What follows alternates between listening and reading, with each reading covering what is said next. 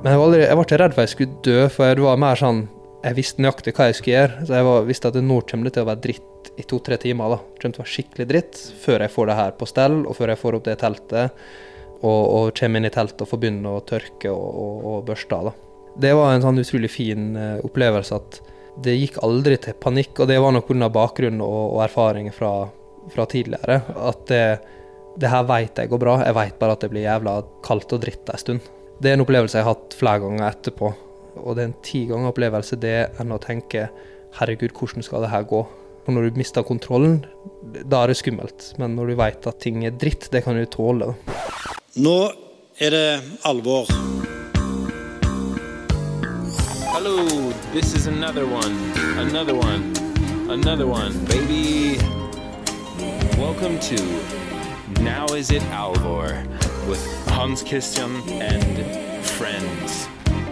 We're going to be the best podcast that you ever did here, and we're going to thrill you, we're going to teach you, we're going to entertain you. Like Britney Spears once said, there are those of us who observe and those of us who are here to entertain.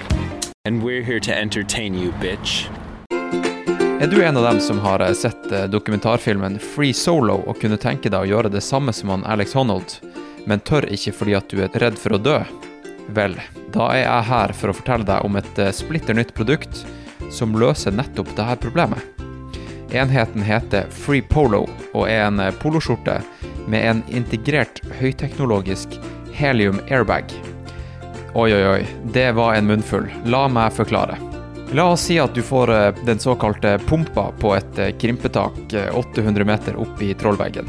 Du er alene og klatrer helt uten sikring. Ikke frykt, min venn. Med Free Polo er det rett og slett bare å slippe taket, sparke deg så langt ut av veggen som overhodet mulig, og eh, trykke på eh, denne eject-knappen som er inne i eh, kragen på poloskjorta. Nei, det føles ikke akkurat intuitivt ut, men tro meg, det her er framtida. Det neste som skjer da, er nemlig at skjorta blåses opp til en gigantisk heliumballong, som gjør at den tar deg sakte, men sikkert ned til bakken. Mengden helium baseres på din eh, kroppsvekt, sånn at du ikke skyter til værs, sånn som han der kiden i Pixar-filmen Up. Denne poloskjorta er så behagelig å bruke at jeg bruker den til og med når jeg buldrer innendørs. Sa testbruker Stian Borgersen. Det stemmer. Denne skjorta fungerer nemlig like bra som en wingsuit som en crashpad, og den vil være en essensiell gadget å ha med seg på din neste ekspedisjon. Kom innom Piterak i Åndalsnes for å teste en prototype. Det endelige produktet kommer på markedet våren 2023 og kommer til å ligge på snaue tusenlappen. Free Polo, det skal ikke koste skjorta å risikere livet. Tusen takk til Free Polo som støtter Neda, og som velger å bruke nettopp denne podkasten til å nå ut til så mange tullinger som overhodet mulig. Bruk kodeord YOLO25 og få 25% på kjøpet av din første Free Polo-skjorte, samt et eh, gratis sett med heliumpatroner til ditt eh, første fall. All right, folkens. Velkommen til eh, dagens heidundrende episode av Nå er det alvor, med han Mathias Ekornås. Det her er, det er en av mine favoritter. Det er rett og slett en såkalt instant classic, som det heter. Mitt navn er Hans Christian Smedsrød, og nå snakker jeg inn i en mikrofon mens jeg står og faktisk ser ut på Store Trolltind. Jeg holder nemlig til i Åndalsnes. Og den episoden her den ble spilt inn mens jeg var i Oslo for et par uker siden. Eh, da møtte han eh, Mathias tilfeldigvis, og vi måtte jo selvfølgelig ta og spille inn en podkast. Hvis du er ny til podkasten, så kan jeg informere dere om at eh, jeg har holdt på en god del år nå. Det begynner, det begynner snart å bli fem år. Og jeg har en Patrion-side som dere kan finne inne på patrion.com slash alvorpodkast. Og hvis du er en av dem som liker å springe langt, så kan uh, dere finne ufattelig mye innhold om akkurat det inne på Patrion. Her på iTunes så er det for det meste fjellsport generelt. Og jeg kommer til å gjøre det sånn at, uh, at det blir et større skille mellom Patrion og iTunes. Eh, her på iTunes så blir det faktisk, eh, ja, for det meste fjellsport. Sånn som denne episoden her med Mathias. Det blir mer klatring klatringrelatert og mm, kanskje litt eh, randonee til vinteren og eh, fjellsport eh, i alle mulige former, rett og slett. Og inne på Patrion så blir det for det meste såkalt eh, terrengultra og, og, og ultraløping. Hvis du jobber med markedsføring et eller annet sted og syntes at den reklamesnutten du hørte i starten var morsom, så er det bare å ta kontakt, så kan jeg skreddersy en reklame à la den dere hørte i introen der. Selvfølgelig da med ekte innhold, ikke sånn her tullete Free Polo-T-skjorte. Og selv om eh, det hørtes tullete ut, så er det jo faktisk eh, mulig å lage en sånn T-skjorte, tenker jeg. Hvis det er noen studenter på NTNU som hører på akkurat nå, ta nå og lag en eh, prototype. Og så sier dere fra til meg når eh, den er ferdig. Når eh, det er sagt, så er dagens episode en eh, fantastisk eh, episode, og det er en perfekt episode å kickstarte det her nye ansiktet til eh, Nå det alvor. Fordi han Mathias Ekornås, han er han er, han er Nå er det alvor. Rett og slett. Hele spiriten hans er, er Nå er det alvor. Han er en, eh, en såkalt eventyrer. Han er gründer av eh, Dundas Explorers, som er et uh, selskap som uh, tar kunder med på kjempeflotte ekspedisjoner og guida turer rundt omkring i Norge og, og Himalaya. Han uh, har bakgrunn som løytnant i Forsvaret og jobber til eh, daglig med sikkerhetsoppdrag for eh, Flyktninghjelpen. Han, eh, Mathias han har vært over hele verden og gjort crazy ting. Han har vært på padleekspedisjon i Costa Rica. Han har vært på solotur på ski på Svalbard. Han har besteget mange fjell i Sør-Amerika. Han har vært på klatretur i Kenya, Russland, Nepal og gjort eh, masse crazy greier i Norge. Han har eh, faktisk eh, kommet seg helt til finalen i 71 grader nord. Noe som jeg ikke visste før han fortalte meg det under dagens prat. Han, Mathias han er også kjent for å drive med det her Oslo Seven Summits, som rett og slett består av å bestige de høyeste fjellene på alle kontinentene, på en måte virtuelt. Litt som den som eh, springer opp og ned slalåmbakker for å bestige Everest i antall høydemeter, så gjør han eh, Mathias det her på litt mer kreative måter. Han har f.eks. klatra opp og ned et tre i Torshovdalen som eh, tilsvarte Akankagua i høydemeter. Og de her eh, stuntene her gjør han eh, i løpet av 24 timer. Så um, han Mathias er litt av en snåling, men en eh, fantastisk eh, kar. Og jeg tenker egentlig bare at vi tar og starter dagens episode. OK? God lyttings.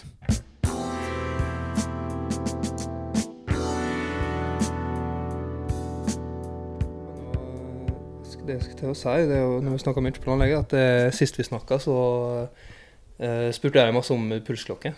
Ja. Så nå fikk jeg investert, da. Ah, nice. Hva det er Garmin? Nei, eh, ja, nei. det er Fenix 7. Ja, se der, ja. Ja, og den er jeg dødsfornøyd med. ja. Men det, men, men det er jo så, det er så masse, så, så jeg har jo eh, eh, Jeg ante jo ikke liksom hva jeg kunne forvente, for jeg har aldri hatt her skikkelig sånn pulsklokke. Okay. Nå har den tatt litt over livet mitt, da. Hva du, hva du bruker den til, da? Jeg logger alt av, eh, alt av trening, så klart. Men også jeg gjør pusteøvelser hver dag, da. Og her går det an å Det var en egen greie jeg kunne laste ned, som var den Wim Hof-pustinga. Oh, seriøst? Ja, så jeg logga det og kan ta tida med den, og det er liksom bare sånn, ja. Nice. For jeg, jeg, jeg bruker å få sånn her stress reminder. Okay. Jeg vet ikke om du får det. Nei, nei, ikke stress reminder, tror jeg. Men eh, han sier at jeg har trent for hardt ganske ofte, da. Ja, ok, for jeg bruker å få sånn her um, Det kommer til veldig sånn ubeleilig tidspunkt. Sånn som rett før jeg skulle løpe det 100-milsløpet nå i helga. Så selvfølgelig var jeg kjempestressa. Det sto sånn her Du burde sette deg ned og puste litt. Var, ok. Det var ikke akkurat det du skulle da. Nei, nei, sant. Ja, den var jo i, um, i Himalaya nå, så, så var jeg konstant på underskudd i forhold, forhold til den klokka. Ja. For da logga vi alle turene og, og eh, dagsetappene og sånn. Tar den sånn eh, O2 og sånt, sånn eh, Ja, mm, den, den gjør det. Og jeg, men, men der er liksom svakheten at jeg, jeg, når du ikke veit hvor mye du kan stole på den, Mm. så tar jeg en test, og hvis jeg ikke får det svaret jeg vil ha, så tar jeg en ny test. Ja, og så en ny test til jeg får det svaret jeg vil ha. da. For det, for det var litt variasjon på det. Um, Så, så jeg ville jo at den skulle være bra. så, ja, ja, ja. Så jeg tok jo bare test om igjen og om igjen til, til den visste bra. ja, men da er du jo en eh, proffbruker av ei eh, sånn her klokke, tenker jeg. Som faktisk tar den til, eh, til eh, 6500 meters høyde. høyde. Det skal vi snakke litt mer om etterpå. Men eh, kan vi ikke Vi kan snakke litt først om hvordan vi møttes, og så Ja. snakker vi litt om eh, deg. Det kan vi gjøre. For vi møttes jo i Åndalsnes. Det gjorde vi. Nye I Isfjorden. Isfjorden, ja. Så, Ja. Her, ja det, Nei, Åndalsnes først. det gjorde vi. På Piterak. Uten, å, uten å egentlig si hei. Ja, ja.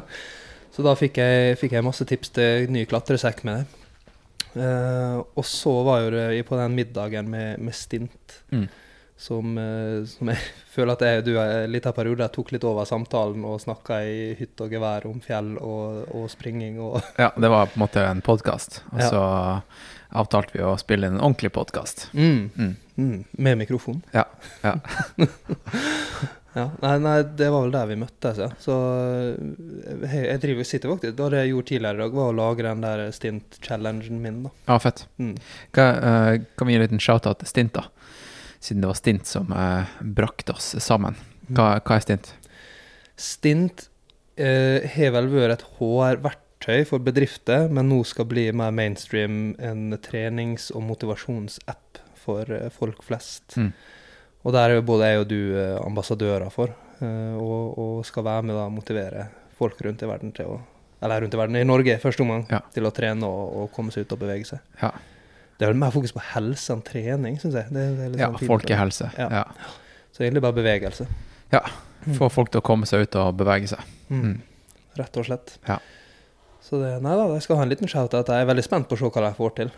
Uh, og Ja. det virker som de er godt i gang, og de har ganske gode krefter bak seg. Ja, altså det er ganske fett med at det er en tech-startup på Åndalsnes. Mm. Det syns Ja. jeg er dritkult. ja, det synes jeg er det, det er ganske bra tech-startup-miljø på Åndalsnes. Mm. Overraskende bra. Ok. Ja, Så det, det var også en av grunnene til at jeg flytta dit. Var liksom at Det er ikke bare en sånn lita bygd som bare står helt stille. Mm. Det er faktisk eh, innovasjon der. Ja. Ja, og kjempegodt friluftsmiljø. Ja, det er jo en liten bonus. Ja. ja, det var ikke derfor du flytta dit i første Jo, jo, omgang? jo. Ja, det var Ja, det. ja, Ja, ja. Det var ikke bare Det var ikke tech, og så var det litt friluftsliv i tillegg. Ja, ja, nei, men altså hvis man får en eh, Hvis man eh, knekker ryggen, sånn som jeg har gjort nå, da, Mm. så, så kan jeg liksom gjøre andre ting. Det er ikke bare fjellet. Mm. Ja, ja. Og, og det er jo fint med, med, med Åndalsnes-området der, da. Eh, jeg også driver og ser på tomt der nå, men for eh, sånn eh, altså hytte eller containerhus, flytte opp dit bare så jeg har plass å være, egentlig. Prøve å Mm. være der 50-50 i Oslo og her, da. Ja, okay. Men jeg har lyst til å være nærmere Bjorli, så litt mer sånn værtrygt. Stabil snø, liksom. Stabil snø på vinteren, og så er det litt mer sånn innenlandsvær på sommeren òg. Ja. Du trenger ikke den der konstante kyst, eh, alltid redd for regnstemninga. Ja, jeg ser den, altså. Jeg ser den. Så alle som er fra Åndalsnes og Isfjorden, syns jeg er idioter. De bare, ah, 'Du skal til Verma, liksom. Hva faen du skal der gjøre?' Men, eh, men eh, nei, det, den ekstra timen også du tar å kjøre, er en liten sånn Det betyr litt da når du kjører i fem timer, eller fire timer, Den ser jeg. enda en. Mm. Den ser jeg. Men du kommer fra Sykkylven. Sykkelvenn, jo. Så det er ikke langt unna. Time, litt over en time kanskje fra Åndalsnes. Mm. Men det er jo eh, Sykkelvenn er jo dødsfint, det òg. Altså bare naturen og fjellene og alt det er jo utrolig bra. Men mm. uh, det har ikke hatt samme friluftskultur som uh, mange av de andre bygdene rundt, som Stranda, som Volda, som Stryn, som Åndalsnes. Det har liksom mangla litt. Det er jo på tuppen av verdens fineste fjord, ikke det? Hjørundfjorden. Uh, jo, det er Hjørundfjorden blir da liksom på andre sida av fjella, da. Ja, ja, ja. Ja. Så, så, men, og så går du opp på fjellet, så ser du ned i Hjørundfjorden. Ja. Det, så det er helt utrolig der. Men, eh, og, men det virker som om kulturen holder på å vokse. Heldigvis. Mer enn det gjorde da jeg var yngre. Det fantes en kultur da jeg var der òg, Mm. men det var større rånekultur og drikkekultur og ja, slåssekultur. Men, men er det, er det sånn samme type folk som flytter til Åndalsnes og Isfjorden? Er det folk som flytter fra storbyen til, eh, til Sykkylven? Det har vært noen. Ja. vi har et par eh, Det er et par som er kjempegira der nå, som jeg vet kommer fra Det er jo en tysker, ung tysk eh, kar som har flytta dit. Han flytta et bær pga. fjella. Mm. Jobber på sports... Litt sånn som det, egentlig. Ja, Jobber liksom sportsbutikken der og, og, og er i fjella, da. Og så er det et par andre som liksom har flytta dit for, for friluftslivet, som jeg ser at de er aktive. Og jeg tror det er med på å dra opp egentlig hele bygda, da. Mm. Mm. Så eh, Nei, så det er bra. Sykkelvenn var bra og blir bedre. Mm. Men eh, hva, når flytta du fra sykkelvenn, og hvorfor gjorde du det? Eh, jeg flyttet, første gang jeg flytta fra Sykkelvenn, så flytta jeg til Stranda. Og det var for skole, da. Klassisk. Jeg tok ferga over, nesten. Nei, det var Nei. fjellet. Ja, ja, ja, selvfølgelig. Mm. Ja, Så det ja. var Strandafjellet. Så tok Ja. jeg over dit. Og, men så flytta jeg til USA. For jeg var jo en ung eh, Det var først som utvekslingsstudent, og så som eh, for å bare satse på, på boksekarriere, som, eh, som aldri tok helt av. Nei. nei. Du flytta til Oklahoma? Oklahoma. Hvor, hvor er Oklahoma? Tulsa, Oklahoma. Tulsa. Tulsa, Oklahoma. Ja. Det var Nei, det var kanskje først liksom store eventyr. Stikke og, og bare prøve å gi gass. og Jeg fikk jo bokse med noen av de beste i verden. Uh, han jeg boksa mot, var rangert som nummer ni når jeg var der, og så ble han Mm. verdensmester året etterpå. Fett. Uh, ja, men men Ikke noe sånn legende. Det er altså ingen som har hørt om han, med mindre du er, er dypt inne i boksinga. da. Alan Green het han. Um, og jeg ble liksom med i litt av entourage hans, og, og var egentlig med i, i, som, som uh, ja, treningspartner til han. da. Eh, og, og fikk sett hvordan livet var som bokser, både på, på de som gjorde det veldig bra, og på de som gjorde det dårligere. Mm. Og det er ganske stor forskjell. da. Hvordan var, hvordan var livet der borte? For, for han og, og deg, hvordan var forskjellen, liksom? altså, sånn, altså øh, Masse trening, da. Så der var jo vi like. Vi, Mm. vi var jo på samme gymmen og trente på samme måte, og vi gjorde alt likt sånn sett. Men, øh, men øh, han hadde jo uh, Mulighetsrommet var jo sinnssykt masse større, da. Uh, jeg var bare en, en liten flik som drev og, og, og fulgte etter han, Ja, egentlig. ja. Men han uh, Han var nok alltid litt stressa, tror jeg. Og, og, så var det alltid den der følte han ikke fikk den anerkjent så masse som han burde bli, da. Og så vant han den der tittelen, og så ble han knocka ut av Michael Kessler året etterpå. Og det er jo, Michael Kessler er en god bokser blir bli knocka ut av, han er jo legende.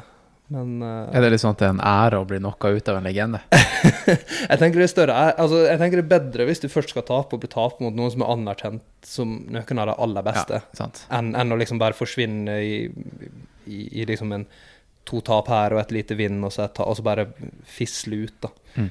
Han ble jo knocka ut i ganske sånn imponerende fashion i, uh, i Danmark. Mm. Jeg intervjua ei som heter Celine Haga. Okay. Hun, eh, hun er- driver med MMA i eh, Hva det heter En Vikta? Det er en sånn kvinnelig MMA-organisasjon. Okay. Ja, Hun, hun, bor, eh, hun flytta fra Norge bort til eh, New Mexico, tror jeg, og holder til. Og hun, eh, hun begynner å gjøre det ganske greit nå. Jeg tror hun har kommet inn i eh, UFC-opplegget. Oi, kult. Det er dritfett. Men Mm. eh, hun poster en del om på Instagram liksom, hvor, hvor godt det smaker å vinne når hun har ofra såpass mye Ja. med å flytte fra Norge. Og den eh, Ja, hun føler seg ganske alene, da. Mm. Følte du på det? Ja, det gjør jeg. Og det var nok egentlig sannsynligvis en grunn til jeg kom tilbake òg. for jeg følte meg ganske alene der borte. Og det er sinnssykt Altså, det er alle idretter, at du må ofre veldig, veldig mye. Det er et eller annet med kampsport som er litt spesielt. Du må ofre litt ekstra, da. For du er du, du er jo Det blir på et vis personlig, de kampene. Og, og til og med på sparringa så er det liksom alltid noe du skal bevise, du skal være bedre enn noe. Du skal liksom Ja, i hvert fall jeg var ganske redd ofte, da. Um, og det var vel det som slo meg, at jeg, jeg har lyst til veldig masse mer ut av livet enn enn bare det her. Mm. Jeg, og, og det var vel så at jeg, jeg kjente at jeg ikke hadde lyst til å betale den prisen det kosta, da. Eh, sånn som det høres ut som hun, så har jo hun betalt den prisen, Ja. og nå begynner det liksom å Nå begynner hun å få uh, få, få prisen, da. Ja. Eh, og liksom begynne å vinne. Og jeg hadde ikke den tålmodigheten eller ønsket om å fortsette det livet i liksom tre-fire år til før det begynte å se lysere ut. da. Ja, jeg ser det. Altså. Mm. Hadde liksom masse andre interesser og hadde lyst til å gjøre masse andre ting. Og, og så reksa, det Du er jo oppvokst med fjell og fjord og friluftsliv, og kanskje tok det litt for gitt når jeg, når jeg vokste opp. Og, men hvis du tar en eh, nordmann og putter han i Oklahoma, da Det Ja. Det er ganske flatt, og det er ganske Altså, det er ikke masse å gjøre sånn friluftslivmessig der. Jeg bodde jo et år i Oklahoma da jeg var ti, Ja. ikke sant? Mm. Så det er jo det, er jo, det er totalt motsatte. Ja, det er det.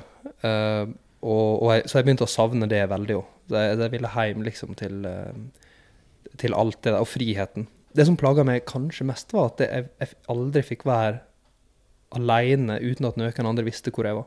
Det plaga meg veldig. Du skulle kjøre overalt, og du Mm. kunne liksom ikke bare gå ut døra og bare gå. da. Det, det plaga meg skikkelig, husker jeg. Så det, Nei, det var nok mange, mange faktorer, men den der ensomheten den eh, kjenner jeg absolutt igjen. Opplevde du eh, noe tornadoopplegg? Nei. Nei. Nei, eh, det gjorde jeg aldri. Det husker jeg som ganske sånn traumatiserende. Ja. På, på natta så gikk liksom tornado-warning, så vi måtte kjøre ned i sånne her shelter, så Mm. Ja, det, det føltes som at det var krig, liksom. Ja. Det føltes som sånn her flyalarm. Ja. Bombealarm, liksom. Og det er jo eh, altså, for, for det vet jeg hvordan det er, da. Jeg har jo um, brukt en del eh, Vært en stund i Ukraina nå i, i, uh, i sommer. Mm. Og da var jo de fly, flyalarmene eh, ganske sånn ofte, da. Si to, to ganger i uka. I hvert fall. Eh, nei, det var mer enn det, ja. Men, eh, men uansett, ganske ofte. Og så var det liksom alt ned i de bomberommene og ha den planen klar. Det Jeg, vil, jeg, vil, jeg, jeg tipper det er ca. samme følelsen er på en tornado, eller om det er flyalarm, eller hva det er. Men det er den å, å Ja. våkne på natta og liksom omstille huet er ganske krevende. Men tror du ikke at det, at det også er litt annerledes følelse, det at eh, hvis det kommer bomber ned fra himmelen, så er det jo noen andre mennesker som vil deg ondt. Mens hvis det kommer en tornado, så er det bare naturen. Ja, det tror jeg er en forskjell, ja. Eh, eh, det, det er det helt sikkert. Eh, eller uten tvil er det, Det er en det jo, forskjell. ja. Uten tvil Ja. er det en forskjell. Men det er litt spørs... Jeg vet ikke, jeg tenkte aldri på det som noe eh, personlig, da. Det, det gjorde I jeg aldri. Ukraina. Nei. Nei. Tenkte aldri på det som noe personlig. Um, det, det føltes jo veldig sånn tilfeldig. Uh, I hvert fall når han liksom bodde der han bodde, og, og jeg visste at jeg ikke var et uh, strategisk mål, da. Så tenkte jeg alltid at hvis det slo ned noe i området mitt nå, så var det på en måte et uhell. Uh, var i hvert fall slik jeg tenkte mentalt. Um, Men eh, de, dem som bor der, ukrainerne, tenker sikkert noe annet. Det gjør det helt Ja. sikkert. Det gjør det helt sikkert. Uh, ja, for, det, for den krigen er veldig tett opp til alle som bor i Ukraina. Selv om de bor på uh, et område som er vekk fra, fra der kommer altså selve kriginga er, da. Mm. Det selve kampene. Så, så ser du det på alle som er der, at det, det, det er tett på dem. Skikkelig tett på. Og det Ja. Jeg hadde et par sånne opplevelser der nede med en sånn nasjonalsangen som ble spilt. Vi var og skulle kjøpe noen klær, rett og slett. Og så spilte den nasjonalsangen på et, eh, på et kjøpesenter, og så ser du en ung mann på tipper 19, altså, han, altså slutten av tenåra kanskje. Jeg tror han røyste seg opp, og tårene begynte å trille, og handa på hjertet og sånn, og det var ganske sterkt å se, altså. Det var ja, det var et eller annet du Jeg har ikke sett det i eh, jeg har ikke sett det i fred før, på en måte. Nei. Eh, Den type stolthet av landet sitt og, og, og det greiene der, da. Um, for det er jo det er et eller annet med at de Til og med hvis du bor i et, en plass der det ikke er kamper, så er jo det de fleste der har jo vært i kamp Sant? og kommer fram og tilbake. tilbake. Og har inntrykk av at det er litt sånn de tar eh, permisjon et par uker og stikker der og liksom gjør plikta si, og så kommer de tilbake og jobber. Mm. Så det er Nei, veldig sånn eh, spesielt opplevelse å få lov til å være der når det, eh, når det holder på, liksom. Ja, Du må fortelle litt om eh, hvorfor du var der. da. Men eh, vi var midt i liksom, historiefortellinga om, om Oklahoma og alt sånt der. Men da, da skjønner jo folk at du har gått kommet deg inn i militæret på en eller annen måte. Ja. Ja. Mm. Hva, hva var på en måte veien din?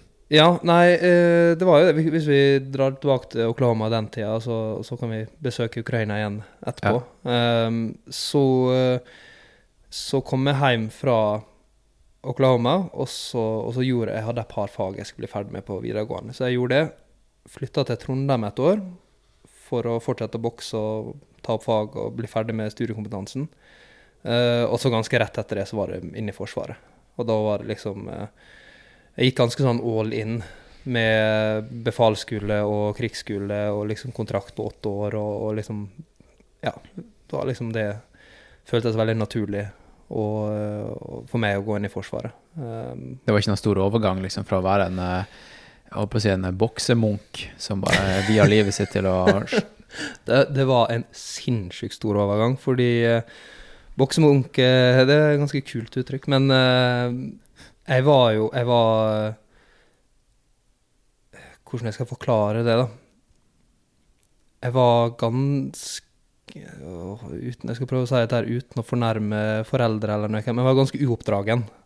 Så jeg var, jeg var ganske jeg, jeg gjorde det som jeg ville, og, og jeg var ja, rett og slett ganske uoppdragen. da. Hadde ikke så mye ansvar overfor andre, og, og, og hadde ikke et forhold til de type tinga. Så det, jeg har alltid tenkt at Forsvaret var de som, som oppdro meg på mange måter. Eh, som gjorde meg eh, Det var der jeg ble voksen, da. Men du oppsøkte det for å bli oppdratt? Tror du det?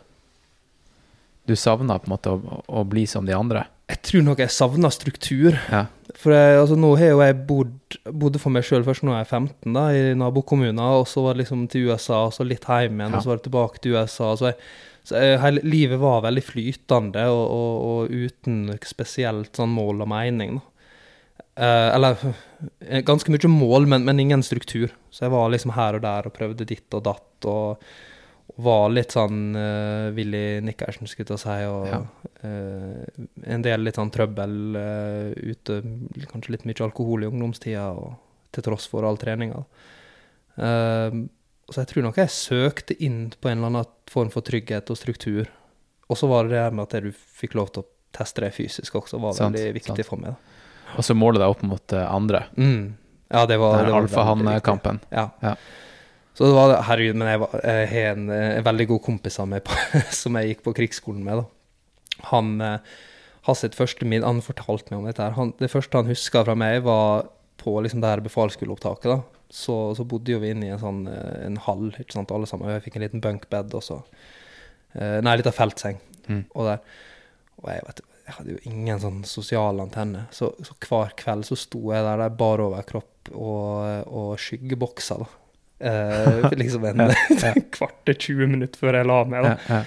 Jeg kan tenke bare sånn Herre, jeg bare ser for meg hvis jeg har vært der nå og sett en sånn idiot som det der, stå og slå ut i lufta liksom hver jævla kveld og ta ekstra pushups og sånn når du er på et liksom opptak på, til, til Forsvaret. Helt løk. Og det sier jo han også, da. Dette her, eh, han, eh, Markus Jagersten, kjempefyr. Eh, han også han så meg og jeg tenkte faen, for en dust, liksom. Hvem er han idioten her? Og det, og, og det var nok veldig meg på den tida. Super sånn cocky og, og tøff i trynet, og, og, og det ser jeg sånn når jeg kom til, tilbake til Norge. I USA så ble jeg kalt champ hele tida. Jeg skulle være champ, og du var Ja. dødsbra, og Ja. tøffing, og bygde deg opp. da.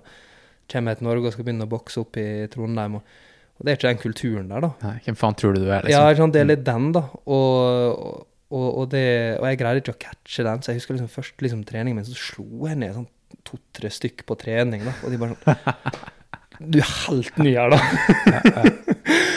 og, det, og, og det jo bare sånn åh, totalt idioti. Um, og jeg var en skikkelig dust, altså, uh, når jeg ser tilbake på det. Og jeg er så sinnssykt glad for at det Forsvaret eh, over tid greide å jekke meg ned, da. Ja. Um, for jeg, jeg, jeg fikk liksom jobbe med folk som jeg så jeg, jeg er veldig heldig, for jeg fikk jobba med de Mange av de jeg jobber med da, er mine største forbilder i dag. da. Så jeg bruker å se tilbake på dem, hvordan de håndterte ting, og hva de sa til meg da, selv om uh, det var alt jeg tok det til meg på den tida. Men uh, jeg greier liksom å se på de gamle kollegaene mine og, og virkelig se opp til dem. Eh, uten dem, hvis jeg hadde vært like stor dust i dag, så er jeg veldig skuffa. Når, når var du i, i ja, Når var det her, da? Slutta i Forsvaret. 2018. 2018? Ja, okay. slutta i 2018. Så det er ikke så lenge siden. Nei. Eller det begynner å bli, herregud. 2022 nå. Ja. Føles ut som i går. Det er greit å si årstallet, for det, altså, man vet jo aldri. Det kan jo være at folk hører på det her liksom 2058. Ja, Altså Ja, helt ja, seriøst. ja, ja, det er sant. Det er sant. Ja, nei, så, så 2018, og nå er vi 2022. Ja. Så, så det er litt av en stund siden jeg, jeg var der sist.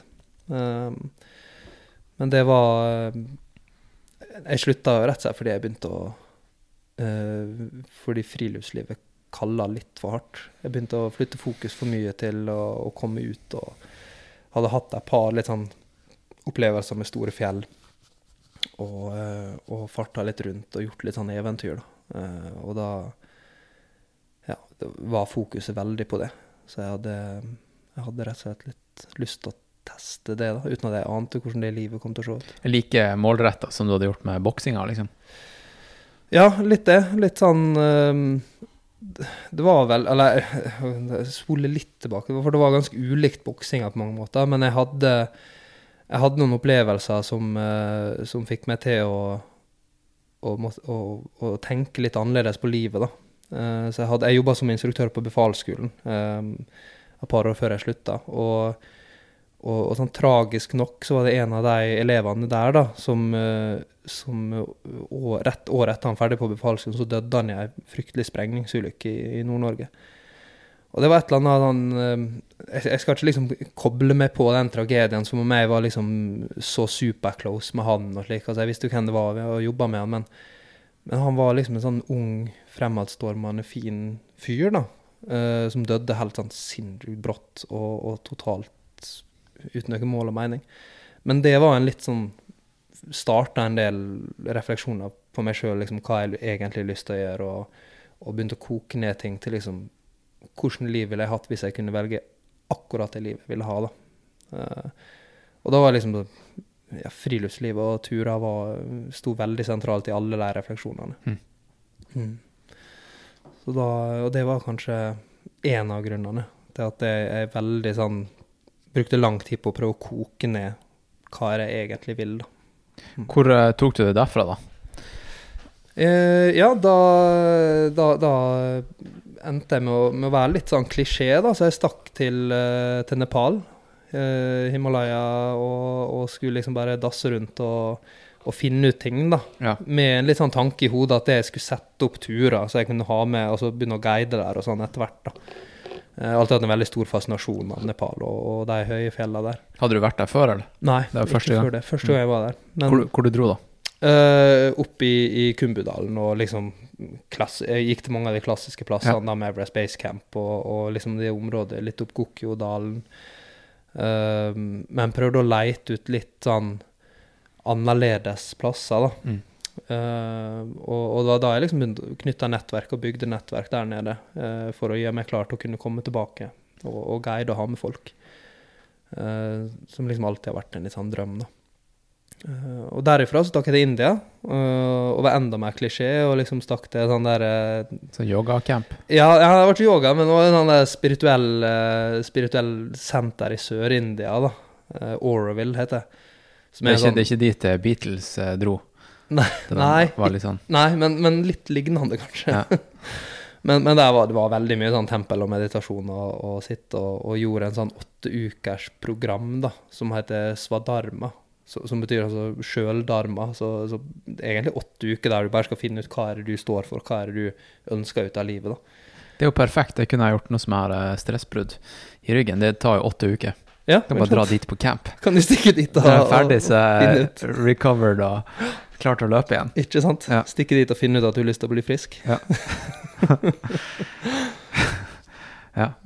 Og, ja, så det påfølgende år så fulgte det bare masse reiser. Så jeg stakk til Patagonia og var i liksom to måneder i Sør-Chile. Uh, stakk til Costa Rica og, og padla ei elv der. Så vi fant liksom starten på elva, padla hele med Packraft da, og laga dokumentar på det. Som, eh, som ble en superklein dokumentar. En kortfilm. Fortell om uh, kleinheten. Hva som var kleint. Hva skal jeg si? Var, var det selve turen, eller var det bare historiefortellinga? Turen var kjempefin. Turen var helt Ja. fantastisk. Altså det var, det var sånn han drømmer om, da, inn i perfekt jungel, og liksom toucans og slats, og, og, og all, det var helt var så vakkert. Men hva var narrativet i filmen, liksom? Narrativet var Det var en kanadisk produsent da, Ja. som skulle styre der. Uh, og, og narrativet var veldig den der eh, Åh, elva lærte meg om frihet og livet, og Ja. åh, Var det med voiceover? Ja, ja. Ja. Og det var, det var klein voiceover. Ja. Eh, så- Var det du som leste? Ja. Det var jeg som leste, så jeg, jeg kan ikke skylde på noen heller. Um, men, men det var veldig sånn Den fins jo. Vi var- har vært ute på liksom festivaler. Vi vunnet et par priser for den og sånn. Um, men grunnen til at jeg ikke greier å se den, er fordi uh, historier om liksom praktisk hva som skjedde, er, er, er, sann og ekte, men historier om følelseslivet er, er falsk, da. Okay. Det er ikke ekte. Det, okay. det er ikke slik Hvis du ser filmen, så ser det ut som om jeg har Eller så, så framstår det som jeg har en sånn ah, dyp eh, oppvåkning i meg sjøl i det her. Men det er ikke sant i det hele tatt. Det var, det var en hyggelig tur, og, og that's it. Okay. Og, og jeg skulle ønske jeg kunne lage den om igjen til å bare være en hyggelig tur. Sannheten er at den egentlige historien var kompisen min jeg hadde med meg. For han, eh, han sleit skikkelig i begynnelsen og måtte kjempe seg gjennom det. Eh, For vi var to stykk, da. Mm. Men, eh, men han som filma, han canadieren, og han blei så jævla uvenner. Så han prøvde nesten å kutte han ut av filmen. så det var så mye drama bak kameraet der, og det var de to begynte å hate hverandre. det her høres ut som en bra film. Ja, ja, det er spennende, da. Ja. Men, eh, men det endte jo liksom også med at det, han kutta det først sammen på en måte, som jeg så bare sånn Det her er det dumme, det her funker ikke. Og han ble fornærma, canadieren. Og bare OK, men da kan du gjøre det sjøl. Og bare steppa litt ut av det, da. Skikkelig diva. Skikkelig, ja. Eh, så jeg måtte jo ta tak i det og, og jobbe med han klipperen over e-mail, på en måte, fra Norge til Canada. Og bare Egentlig bare kutte Jeg tror jeg kutta vekk halvparten av det han hadde laga. Derfor den ble så kort, da. Bare 24 minutter. Um, så, så det var eh, Så nå har jeg en film der det står eh, altså 'Written and Directed' by Mathias Ekornås, starring Mathias Ekornås. Og det, er sånn, ja, det er jo bare fordi han ikke ville directe den lenger. Fordi jeg var uenig i måten han gjorde det på. Ja, okay. Du har ikke sett den her eh, River Runner? Nei, det er ikke. Dæven, den er fet. Okay. Det er fra 90-tallet. En dude som skulle padle alle fire elvene som springer ut ifra Mount Kailash. Eh, det er vel i Nepal, det? Kailash? Eller er det Pakistan? Jeg er ikke sikker. faktisk. Nei. Men uh, helt, helt sjuk film, altså. Ja. Den burde du se. Jeg tror den ligger på Netflix. River Det Runner. hørtes plutselig veldig kjent ut. Ja. Mm. Jeg skal ta en titt. River Runner. Ja. Konge. Ja. Nei, men eh, ok, så du var i Costa Rica en tur. Hva, mm. dro, dro du videre og reiste, eller kom du Eh, etter det så kom jeg hjem. Ja. Eh, kom jeg hjem, var i Norge, drev og styra på. Vann på 71 grad nord. Seriøs? Ja, ja, ja. Det var Ikke kjendisvarianten? Ikke kjendisvarianten. Uh, nei, altså jeg var der og kom, uh, kom helt opp til, til Helt til 71 grad nord, skulle jeg si. Kom Ja. helt fram, men uh, Du tapte finalen. Ja, jeg gjorde det. Hvem mot? Mot Amanda Helseth og, og Ulrikke. Herregud, hva er Ulrikke er et etternavn, da? Det er litt flaut. Men det var jo meg og to jenter da, i, den, i den finalen. Det var ikke hun bloggeren Ulrikke Lund? Nei, nei, nei. nei. Uh, og herregud, dette er litt sånn flaut. At jeg ikke husker hva, hva hun heter. Det, For å dra opp Insta eller noe sånt. Eh, ja, jeg får, får gjøre det. Bare så det er gjort. Ja, ikke sant. For det, stakkars Ulrikke, hun er utrolig flott jente. Jeg kan ikke sitte her og Ulrikke Louise Wiik. Får jeg se na- eh, bildet? Altså. Bare å scrolle litt.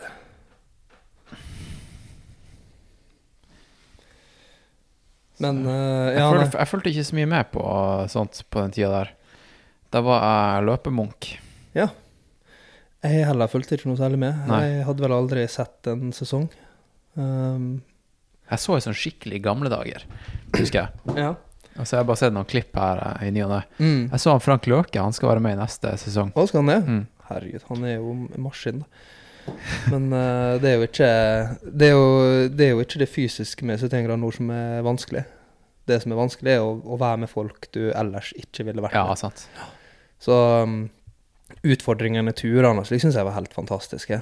Jeg tapte jo på, på uh, Det er en sånn todeling, så du kommer fram, og så skal du velge om du, får du, Hvis du er først, så får du velge mellom å sykle, sparkesykkel eller løpe. da. Ja, på, på, eh, på finalen. Ja, til Ja. liksom dagen etterpå. Ja. Da. Så det er en sånn todelt finale. Og da, Jeg vant jo den første delen der du bare skal springe med sekken og sånn. Og så skal du velge der, og jeg valgte jo sykkel, som en idiot. Hadde jeg brukt to minutter på å sette avstanden, så hadde jeg sett at det, det her Ja, funka jo ikke. sant, sant. Så jeg valgte jo det, da, og, og tapte. Og liksom all props til, uh, til Amanda Ulrikke. Det er jo spreke og, og flinke damer, de òg. Men uh, jeg er alltid, alltid litt sånn bittert nå med sykkel. Mm. Nå er det Når folk spør om jeg skal på sykkeltur, så får jeg litt fla- flashbacks. nei, skal ikke skje. Så eh, Nei, nei 71 grader nord var utrolig gøy, det, altså. For alle som er år var det? 2019. Ok. Mm. Ja. Så det um, Nei, det Det var uh, utrolig fin opplevelse. Herregud, for et opplegg. Men uh, de som egentlig skal ha mest uh, props, er jo de gutta fra Storm. De som lager turene. Mm. Det er jo to, to forsvarsdudes som, uh, som laga Laga kjempesuksess med de greiene der. De også burde du snakka med. Uh, Men er det, er det to dudes som på en måte gründa det hele? Som fortsatt styrer med det? Som, og, og, det er jo også har jo noe Jeg tror det er, de rodde fra liksom USA og hit også. Det er en utrolig kul historie. Stian og Stian og Hva heter han andre? Ja, Stian og, og en til. Uh, men de har begge to de har en utrolig kul historie. Og det firmaet Storm er jo De gjør ikke bare 71 grader nord, de gjør andre ting òg. Det er sjukt mye penger i omløp der, da. Ja. Er det mye, og det, det er ganske stort eh, staff. Jeg hørte det er sånn her 60 personer bak kamera. Ja, det er mye, i hvert fall. Ja. det er masse. Eh, og og de, de Stormgutta er jo sikkerhet bak kamera mens de filmer også, så de følger jo med hele veien. Ja. Eh, så nei, det, det er helt genialt. Det er kjempebra opplegg. Mm. Rått.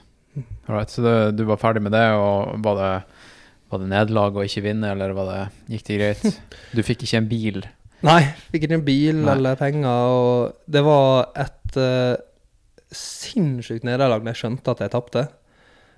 så var det, men, men det var utrolig egentlig gøy å oppleve det også, for det var et uh, Jeg gikk inn på dass, låste døra, uh, og så satt jeg der i et ti minutt, kvarter, og bare kokte, da. Men etter det så var det liksom bare ah, OK, kult, nå blir det spennende å se hvem som vinner ellers, da. Og så har han egentlig sluppet, og det var egentlig ganske sånn greit. Bare Det var en sånn der en intens greie med liksom, litt sånn forbanna, og så etter det så var det egentlig ikke noe stress. Um, jeg har aldri lidd noe nød. da. Det kan hende jeg var mer irritert hvis uh, jeg hadde hatt veldig lite penger, eller hvis jeg ikke hadde hatt bil, f.eks. Sant? Ja. Sant. Og det også husker jeg tenkte litt på. sånn Amanda var jo veldig ung, hun som vant. Amanda Helseth. Hun er jo idrettsutøver også, og roer og skal liksom sikte seg inn på OL og liksom alt det her, da. Ehm, og så så det var litt sånn, jeg husker når hun vant, så var jeg sånn Hun trenger det kanskje mer enn meg òg, da. Sant. Så mye lettere for hun som liksom er idrettsutøver skal komme i gang og slik, og, og ha litt å rutte med nå når hun er på studiet og idretten og sånn. Det må være et bra sted å drive og dope og sånt, tenker jeg. For den finalen der, det er jo ingen som, ingen som tester det. Bare litt eh, EPO og litt steroider. Så har du sikra deg en bil og cash og Faen, jeg tenkte ikke på det. Jeg burde bare hatt med steroidene mine. Ja. Det var genialt. Nei, nei, så det var, det var utrolig fint. Så etter det så, så bare har jeg egentlig rulla ganske greit med det, den type eh, liv jeg vil ha. Så du, Eh, du gjorde en helomvending, og du fikk faktisk ting til å gå, gå rundt, liksom? Ja, første året tjente jeg ingenting, da. Nei. Da var det bare å skaffe nettverk og, og, og lære, altså mye kursing. Så jeg har eh, gjort mye sånne forskjellige kurs og, og lært meg sjøl og bygd meg sjøl første året. Og så starta jeg det her eh, guidingfirmaet, Dundas Explorer. Og så kom jo covid, så da måtte jeg begynne å guide mer i Norge. Eh, og jobba som guide for Bergans med sånn ski i Finnmarksvidda og nå Hardangervidda og, og den ekspedisjonskurs og sånn. Uh, og så gjorde jeg med de her sikkerhetsoppdragene, da, uh, som vi var innom på i stad med Ukraina og sånn. ja. Og det er hovedsakelig at jeg stikker ut og trener opp humanitærarbeidere. Um, og da er det å trene de opp i da sånn antikidnapping, i førstehjelp, i hvordan forhandlingsteknikker, hvordan håndtere uh, høystressituasjoner. Så vi setter i gang øvelser da, uh, on site. Uh, det er en del sånne krav for folk som skal jobbe i, i krigs- og konfliktområdet, så de må ha en del utdanning og trening før de får lov til å jobbe der. Okay. Uh, juridiske grunner, men også bare rent praktiske grunner. Ehm, hvordan håndtere å bli skutt på, hvordan bevege deg, altså alt mulig sånn Kall det sånn taktiske ting, da. okay. Men i en humanitær setting. Ja, du var ikke der nede i strid, liksom? Nei, nei, nei. Nei. Ikke i det hele tatt. Nei. Så eh, Nei da, så det, men det er utrolig givende jobb. Eh, Og det er gjennom Flyktninghjelpen hovedsakelig å jobbe. Var du i strid når du var i Forsvaret? Nei, nei. Det var ikke det. Så eh, heldigvis ingen, ingen hull i kroppen. Nei. Nei. Ingen scars mentalt heller. Nei, nei. Så den uh, funka fint. Mm. Det er nice, da. Mm. Ja, det er fint. Takknemlig for det. Ja. Uh, ja, nei, så det var vel egentlig eh, Ja, fram til nå, altså Klart det har skjedd mye de siste åra òg, men han, eh, jeg tror ikke han har så mange timer å gå gjennom alt. Men det var, det var i hvert fall den overgangen da, fra Forsvaret og så det neste året. Og så eh, det siste året gjennom covid, sånn, så er det det å gjøre sikkerhetsoppdrag, og så utvikle den her dundas og guidinga og Mm. tur. da. Det er jo det å være på tur og, og friluftslivet som, som interesserer meg mest, men da altså, Menneskets møte med naturen er det som interesserer meg mest. da. Og da er det å, det å være sliten ute det syns jeg er sinnssykt fascinerende. Og det vil jeg tro du kanskje kjenner igjen Ja. med tanke på det du Ja. driver på med. Det er, det er et eller annet med å pushe seg fysisk i naturen er annerledes enn å bare være i naturen og ha det superrolig og fint. Og det er noe annet enn å presse seg fysisk på ei tredemølle, f.eks. Det er, det er liksom kompleksiteten rundt det hele, og inntrykka og ehm, For min del den selvstendigheten, da, hvis han skal snakke om, om fjell og det å være isolert vekk fra, fra infrastruktur, så, så er det liksom du, du må fikse biffen sjøl. Det syns jeg er utrolig fascinerende. Du tok deg en tur til Svalbard. Ja, det gjorde jeg òg. Fortell, fortell om uh, turen. Uh, det her, nå var jeg fortsatt i Forsvaret. Ja. Uh, tok en tur til Svalbard. Det var for å eh, For å teste og prøve meg i liksom elementer uh, aleine, da. Eh, så jeg skulle ha en ukes tur alene på Svalbard der med pulken. Bare meg og pulken, da. Det var, eh, det var liksom målet, å, å opp dit og, og prøve, for da veit du du kan få så sinnssykt mye forskjellig av vær og utfordringer, og, Mm. og må uh, prøve å lese og forstå hva som foregår rundt deg. da. Så det var, det var egentlig det jeg gjorde. Og eh, jeg gikk jo på smell allerede første natta, på en måte. Eh, nei, andre natta, mener jeg. For jeg eh, Litt sånn idioter, så sjekker jeg værmeldinga i Longyearbyen. Og det er ikke det samme som å sjekke værmeldinga liksom lenger nord. Ja. så jeg sjekka værmeldinga der, det så supersmooth ut. Ja. Ehm, og så hadde jeg en sånn uh, eh, Ei som kjørte meg med scooter opp i Adventsdalen før, litt før jeg skulle begynne å gå liksom rundt, rundt der. da. Eh, og liksom skulle opp en isbre og over noen, noe fjell og liksom styre på. Og på der gikk jeg på kjempe-whiteout. Skikkelig, skikkelig whiteout. Og måtte grave meg ned, og, uh, for jeg mista helt bæringa på hvor jeg gikk. Og, og det var midt oppå breen der. Så det var det var liksom noen timer der med, med ordentlig dritt og måtte, måtte teste seg sjøl. Føle seg veldig aleine og, og få prøve seg fram. Nei, for det som skjedde da, var jo at jeg, jeg, jeg grov bare ned, og så la jeg en duk over. da. Så, så jeg tenkte ja, men det her går over straks, fordi jeg sjekka værmeldinga, det her skulle ikke være her, da. Uh, så jeg skulle bare legge meg ned. Og så når jeg våkna, så hadde det blåst mye snø over at jeg sleit med å komme meg ut. da. Oi, shit. Så Du var jeg- liksom begravd. ja, jeg var liksom begravd. Uh, eller ikke bare liksom, jeg var begravd, da. Og når, når du har den der duken over, og så greier du liksom ikke helt å pushe oppover, så gravde jeg sidelengs, da. Og så, og så greier jeg å grave meg ut, men da er alt jo fullt med snø, og det er bare det, det er skikkelig sånn kaos oppå der. Um, men jeg var, aldri, jeg var ikke redd for jeg skulle dø, for det var mer sånn Jeg visste nøyaktig hva jeg skulle gjøre. Så jeg var, visste at nå kommer det til å være dritt i to-tre timer. da. Det kommer til å være skikkelig dritt Mm. før jeg får det her på stell, og før jeg får opp det teltet. Um, og, og kommer inn i teltet og får begynne å tørke og, og, og børste av. da. Så det var, det var en sånn utrolig fin eh, opplevelse at det gikk aldri til panikk, og det var nok pga. bakgrunn og, og erfaringer fra, fra tidligere. Ja. At det, det her veit jeg går bra, jeg veit bare at det blir jævla kaldt og dritt en stund. Og det, det er en opplevelse jeg har hatt flere ganger etterpå. Uh, og det er en ti ganger opplevelse det enn å tenke herregud, hvordan skal det her gå? Uh, for når du mister kontrollen, da er det skummelt. Men når du veit at ting, ting er dritt, det kan du tåle. da. Hvorfor tror du at mennesker går i en sånn panikkmodus der man tillater seg sjøl å miste kontrollen? For det er jo ingenting rasjonelt bak det. Altså, mister du kontrollen, så går det til helvete. Ja, jeg Vil du tro at et eller annet sånn evolusjonært ville, ville stoppa oss fra å miste kontrollen? mm. Eller i hvert fall velge å miste kontrollen. Ja. ja, for veldig ofte så virker det som om folk Det er i hvert fall folk eh, har forskjellige nivå av hvor fort de tillater seg selv å miste kontroll. Ja. Og det er ikke bare på panikk, men det er jo på, på irritasjon, på frustrasjon, på sinne. På, på alle de tingene her så er det ikke lurt å miste kontrollen. Og du ser jo, det er veldig mange som tillater seg det.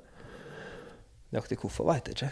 Men uh, jeg tror det er noe han må trene på. Jeg tror han må trene på å greie å holde den kontrollen. Og det er bare å gjøre Han slipper liksom ikke unna at da han gjøre ubehagelige ting. Da han gjøre ting som er tøft. da. Nei. Um, jeg tror det går an å lese seg opp til det, og, og bare vite at det er kjempelurt å være rolig. på en måte. Han må, han må putte seg sjøl i harde og tøffe situasjoner og så se hvordan han reagerer. Ja. Mm. Og det, det tror jeg finnes mange, mange måter å gjøre. Men, uh, men fysisk er jo veldig lett. ja. Jeg hadde en uh, sånn opplevelse på lørdag i helga. Når jeg, når jeg hadde fått der, eh, det som mest sannsynligvis er stressbrudd, og jeg hadde dritvondt. Mm. Jeg var ganske alene oppe eh, nedi, nedi Skåne midt på natta. Eh, og eh, jeg sto der i shorts og T-skjorte eh, og en liten ryggsekk med sånn her- du vet, sånn mandatory equipment til Mm. ultraløp. Som er liksom Du tar med deg minimum for å spare vekt, ikke sant. Mm. Så jeg hadde med meg en ekstra sånn her longsleeve og ei jakke. Eh, vindjakke. Eh, og så en sånn her space blanket. Og så, så var det egentlig bare å ringe arrangøren og si at liksom, nå er jeg fucked, jeg har det dritvondt, jeg kan, jeg kan ikke gå. Eh, kan du hente meg? Og bare sende dem min GPS, og så ta på seg det space blanketet, og bare, for jeg kunne ikke gå eller sette meg ned, ikke sant? Jeg måtte bare stå der. liksom. Ja, jeg måtte bare stå der. Stå og, med, med det space blanketet rundt meg, og bare skjelve for å holde varmen, sant? Men jeg visste at liksom, hjelp var på vei. Mm. Og det var ikke noe vits å liksom få panikk, for at jeg, man føler seg jo overvinnelig. Sant? Eh, og man, man har vært gjennom en, uh, noe sånt tidligere, så det er ikke noe stress, egentlig. Det var bare OK, nå får vi det jævlig en periode. Mm. Ja. Men da er nok du sannsynligvis kjent med ditt eget sjølsnakk, vil jeg tro. Mm. Um, for det er, det er også en ting, da. Jeg, jeg tror ikke det hjelper å bare putte seg sjøl i vanskelige situasjoner, og så blir du flink til å takle vanskelige situasjoner. Du, du må også være bevisst på hvordan takler du vanskelige situasjoner. Og, og nå tipper jeg bare, da, men, men det med sjølsnakk har vært, vært en veldig stor greie for meg.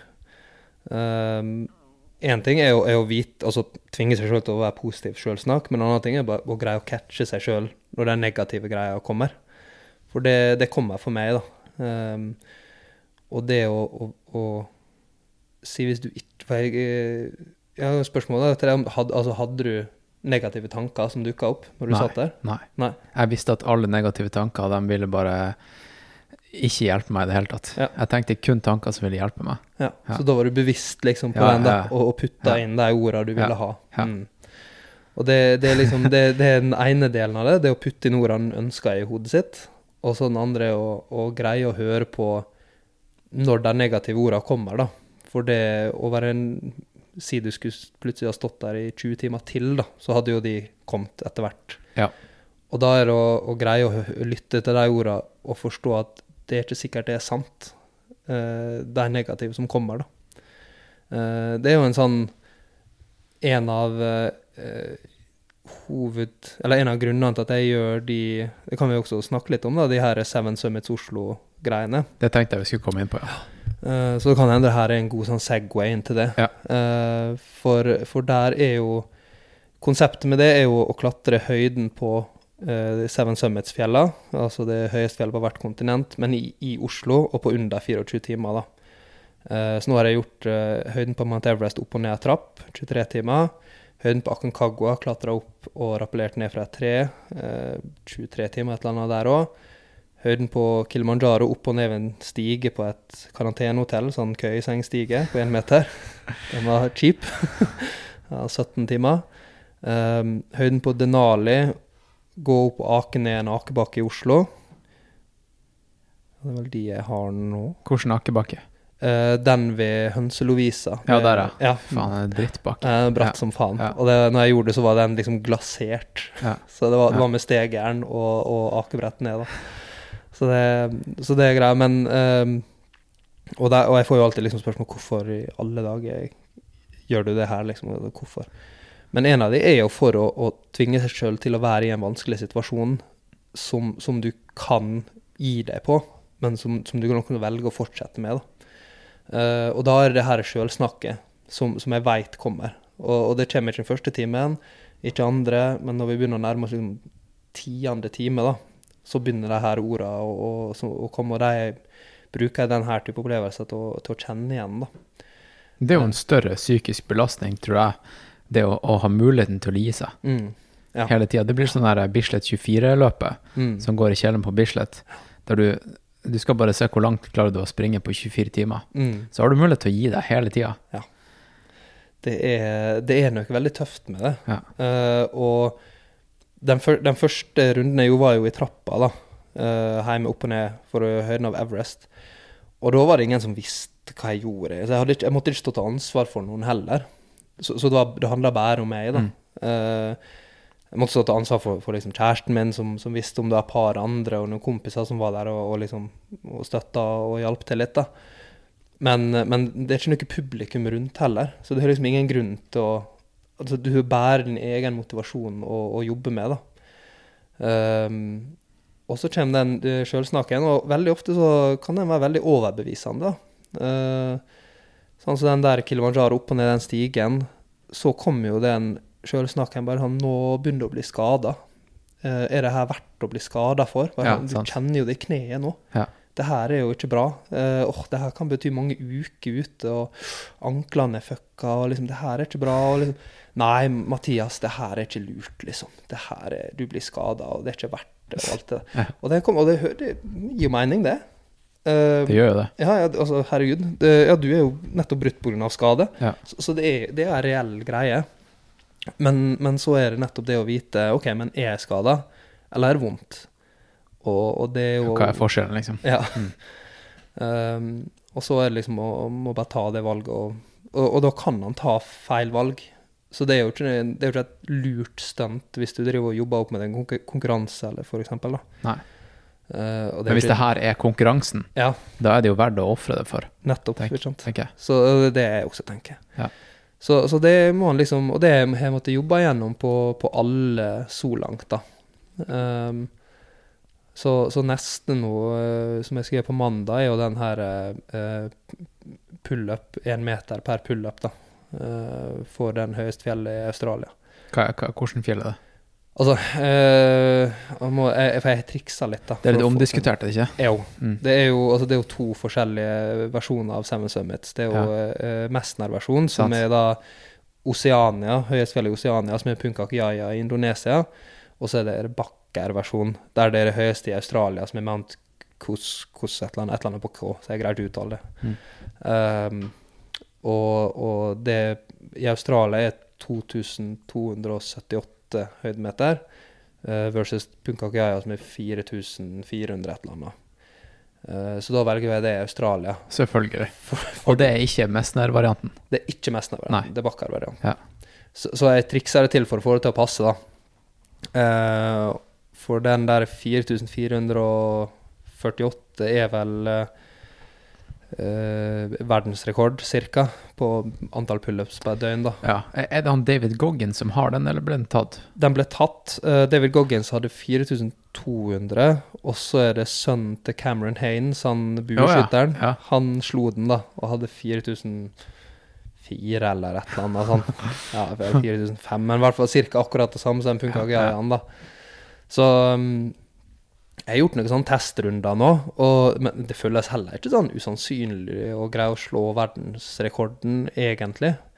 Men, eh, men det kan hende jeg kan prøve seinere en gang, med litt Ja. opptrening, da. Ja. For, for litt av greia med de her stunta her, er, er, eller nærekspedisjonene, som jeg kaller det, da, er jo eh, og å, at jeg trener ikke mot dem. Så jeg prøver ikke liksom ha en sånn oppkjøring, da. Prøver liksom at det skal være At jeg skal greie det med grunnforma. Um, men hvis jeg skal slå en verdensrekord med pullups, så tror jeg at jeg bør ha litt opptrening. Ja. Ja. Eh, Såpass ydmyk må man være. Jeg ville tro at, eh, at det å gå rett på liksom over 2000 pullups i døgnet, da øker, uten å trene, øker jo sjansen for sånn rabdo. Ja, det vil jeg tro. Det er ikke sånn typisk uh, ting som crossfit-folk uh, går- går på en smell. Ja, vi hadde jo eh, vi hadde sånn crossfit-konkurranse på krigsskolen, og da tror jeg det var tre stykker som fikk rabdo. Mm. Eh, men da var det bare sånn, ta så mange pullups du kan på et gitt eh, tidsrom, da.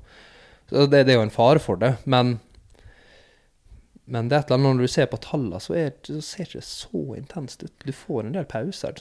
Hvis du bryter ned, da, hvordan blir det? Uh, altså, det blir Jeg, jeg har brutt ned slik at jeg har Altså, én time så har jeg fire pullup i minuttet. Og så timen etterpå så har jeg sånn tre pullup i minuttet. Og så tror jeg tre pullup i minuttet. Og så er det sånn hver fjerde time så har jeg en eh, sånn 40-50 minutt pause, da. Så da er det liksom å spise og, okay. og få styre, da. Um, og når man bryter ned slik, så ser det ikke så Det ser overkommelig ut, da. Uh, men klart, nå har jo jeg bare prøvd én time. Uh, og det er ganske stor forskjell på 1 time og 20 timer. Ja. Men det er jo bare 20 ganger så jævlig. Ja, Sant. det er jo det. Eller hvis ikke det blir sånn eksponentielt jævlig jævligere. Ja, ellers liksom jeg har opplevd på, eh, på mange av de andre greiene her, sånn som uh, opp og ned den trappa òg, så trodde jeg at det kom til å bli liksom verre og verre og verre, verre, Ja. og så skikkelig ille på slutten. Ja. Men sannheten er at én time opp og ned en trapp er dritt. Skikkelig dritt. Så det er liksom jævlig fra begynnelsen av. Men det er aldri så jævlig at du må gi deg. Sånn er, det, det er jo det er akkurat som et ultraløp, det her. Altså. Ja. Fordi at eh, du kommer til et punkt der det blir ikke jævligere. Du bare må holde ut. Ja. Sant? Er det det som er ultravondten? Ja, ja. Ja. ja, ja. Mm. Så det Nei, den, eh, den kan jo Den kommer jo. Mm. Du må bare være bevisst på det. Og så eh, når du får det skikkelig jævlig Så det er egentlig en sånn her Det er jo en positiv greie med ultraløp også, er jo liksom at når du har funnet den ultravondten, så vet du at det blir ikke verre. Mm. Ikke sant? Det er en viss trygghet i det. Ja, hvis, hvis du klarer liksom å løpe med de her vondtene, Mm. så klarer du egentlig å løpe uendelig langt. Ja, det er litt gøy, da. Ja, At det må være litt sånn. Og, men da er det eh, om å gjøre å holde den vondten lengst mulig unna, da. ja ikke sant? Ja. Ja. Ikke sant. Blir det bedre noen gang? Altså, noen, noen ganger så løsner det skikkelig. Altså. Ja. Mm. Så det er litt sånn, det er mulig at det du kan få en opptur igjen. Du får alltid en høydere. Ja. For når du er på ditt laveste, så Mm. vet du at det kan bare bli bedre. Ja, Ikke sant. Sant? Problemet er bare når vet du at du er på ditt laveste. Ja, det krever litt erfaring, da. Ja. Ja, nei, for jeg har jo hatt en del eh, skikkelige oppsvinger. Uh, når jeg klatra opp og ned det treet, så trodde jeg Jeg trodde ikke jeg kom til å få det til. Da, jeg trodde det var sånn Det går ikke mer. Nei. For jeg, jeg greide liksom Jeg greide én runde, og så måtte jeg stoppe og ta pause etter hvert. da. Det her var, nå, nå var sola nettopp stått og var tidlig på morgenen da, dagen etterpå. I Torshovdalen. Torshovdalen, ja. Mm. Opp og ned gran der. Så jeg, jeg starta klokka tolv på, for, på formiddagen. uh, og så skulle jeg være ferdig klokka tolv formiddagen dagen etterpå. Uh, og på morgenen der så var jeg, hell, jeg var så kjørt. Jeg var så sliten. Det, det var så sinnssykt tungt da. At jeg bare fikk ikke til mer. Det var liksom én og en runde, og jeg var, jeg var helt i kjelleren. Men så kommer nabogutten da med hele liksom, klassa si, fjerdeklassinger. Eh, og liksom med lærere og alt han har sagt. De visste om det, liksom. Ja, han, han har sagt ifra til læreren at det, hva jeg drev på med, det og naboen, og, og, ja, og, om de kunne komme, da. Ja. Så de kom jo hele klassa og heia, ikke sant? Herregud, for en oppsving. Det var, altså, uten det så hadde jeg aldri fått det til, Nei. hvis ikke de hadde kommet. De kom, og plutselig så var jeg liksom opp og ned. Opp og ned, opp og ned. Så var jeg liksom back in action, da. Det var, det var, det var helt vilt. Jeg har aldri opplevd liksom en såpass stor altså energiboost uten kanskje liksom mat og sånn, da. For det, det har jeg opplevd. Det er jo skikkelig tom, og så har jeg spist, og så får du en boost. Men bare sånn 100% mentalt. At jeg kom og bare pju, sendte meg opp. Ja. Og det er jo ofte sånne, sånne um, opplevelser man har i ultraløp også. Mm. er at den boosten kommer jo med et eller annet, et eller annet skjer, skjer i løypa. At eh, sola kommer opp, eller du Mm. møter noen mennesker, du blir glad, og plutselig så bare mister du de, de vondtene. Ja. Men glemmer du av det, eller er det jeg vet ikke hvordan det fungerer, altså. Ja, fordi det, altså, det, jo, det må jo fortsette å være vondt på et vis, men eh, Ja, det er ikke sjukt at du kan få energi bare av et eh, møte med et menneske. jo. Det kommer ikke av liksom, at du fikk en sjokolade. Mm. Du for bare fikk et smil. Du. Ja, for Ja. sjokoladen forstår du, Ja. ikke sant? Men det der at et menneske kommer og ja, gir deg et liten nikk, eller at Ja. det, det er en eller annen som Ja, hva enn det skal være. Det er ganske drøyt. Mm. Ja, det er crazy. Men uh, det her um, stuntet i Torshovparken, uh, hvordan løste du det sånn rent sånn praktisk? Hvordan tre var det, for det første? Eh, For dem som har lyst til å oppsøke det og, og kysse stammen. Ja, ikke sant? Eh, det er ei gran Hvordan skal jeg forklare hvor det er? Den er liksom helt oppe i Torshovdalen der. Mot eh, Rema 1000, liksom. Yes. Så det er opp mot der det er noen sånne Nei, nei, vent litt. Det, jeg tenker jo feil park. Det er Torshovdalen. Altså, det her er Det er ikke den- Torshovparken, men dalen. Ja, Sånn, Ja, okay, Torshovdalen. Ja. Så er det opp mot der det er sånn uh, eh, eh, noen boligblokker helt ja, oppe. Ja, oppe med, med T-banen, liksom. Ja, nemlig. Ja. Jeg tror det er Rema 1000 der òg. ja, det er det. Ja. Så, men der, der er det ei sånn gran der, og da, da finner du Og så er det en benk rett ved. Men, men det er liksom ei, ei gran av litt flere graner i det lille området, så det er vanskelig å finne nøyaktig den samme. da. Jeg finner jo den, så klart, men uh, Men hvis du skal finne akkurat den, så finner du kanskje den der på ene sida det mangler en del greiner. Sant. Det var det jeg tenkte meg. Ja, for det knakk en del. Ingen bark igjen. Ja, ikke sant? Jeg skal kanskje ikke beklage til Oslo kommune at det gikk et par greiner der, men, eh, men slik ble det. da.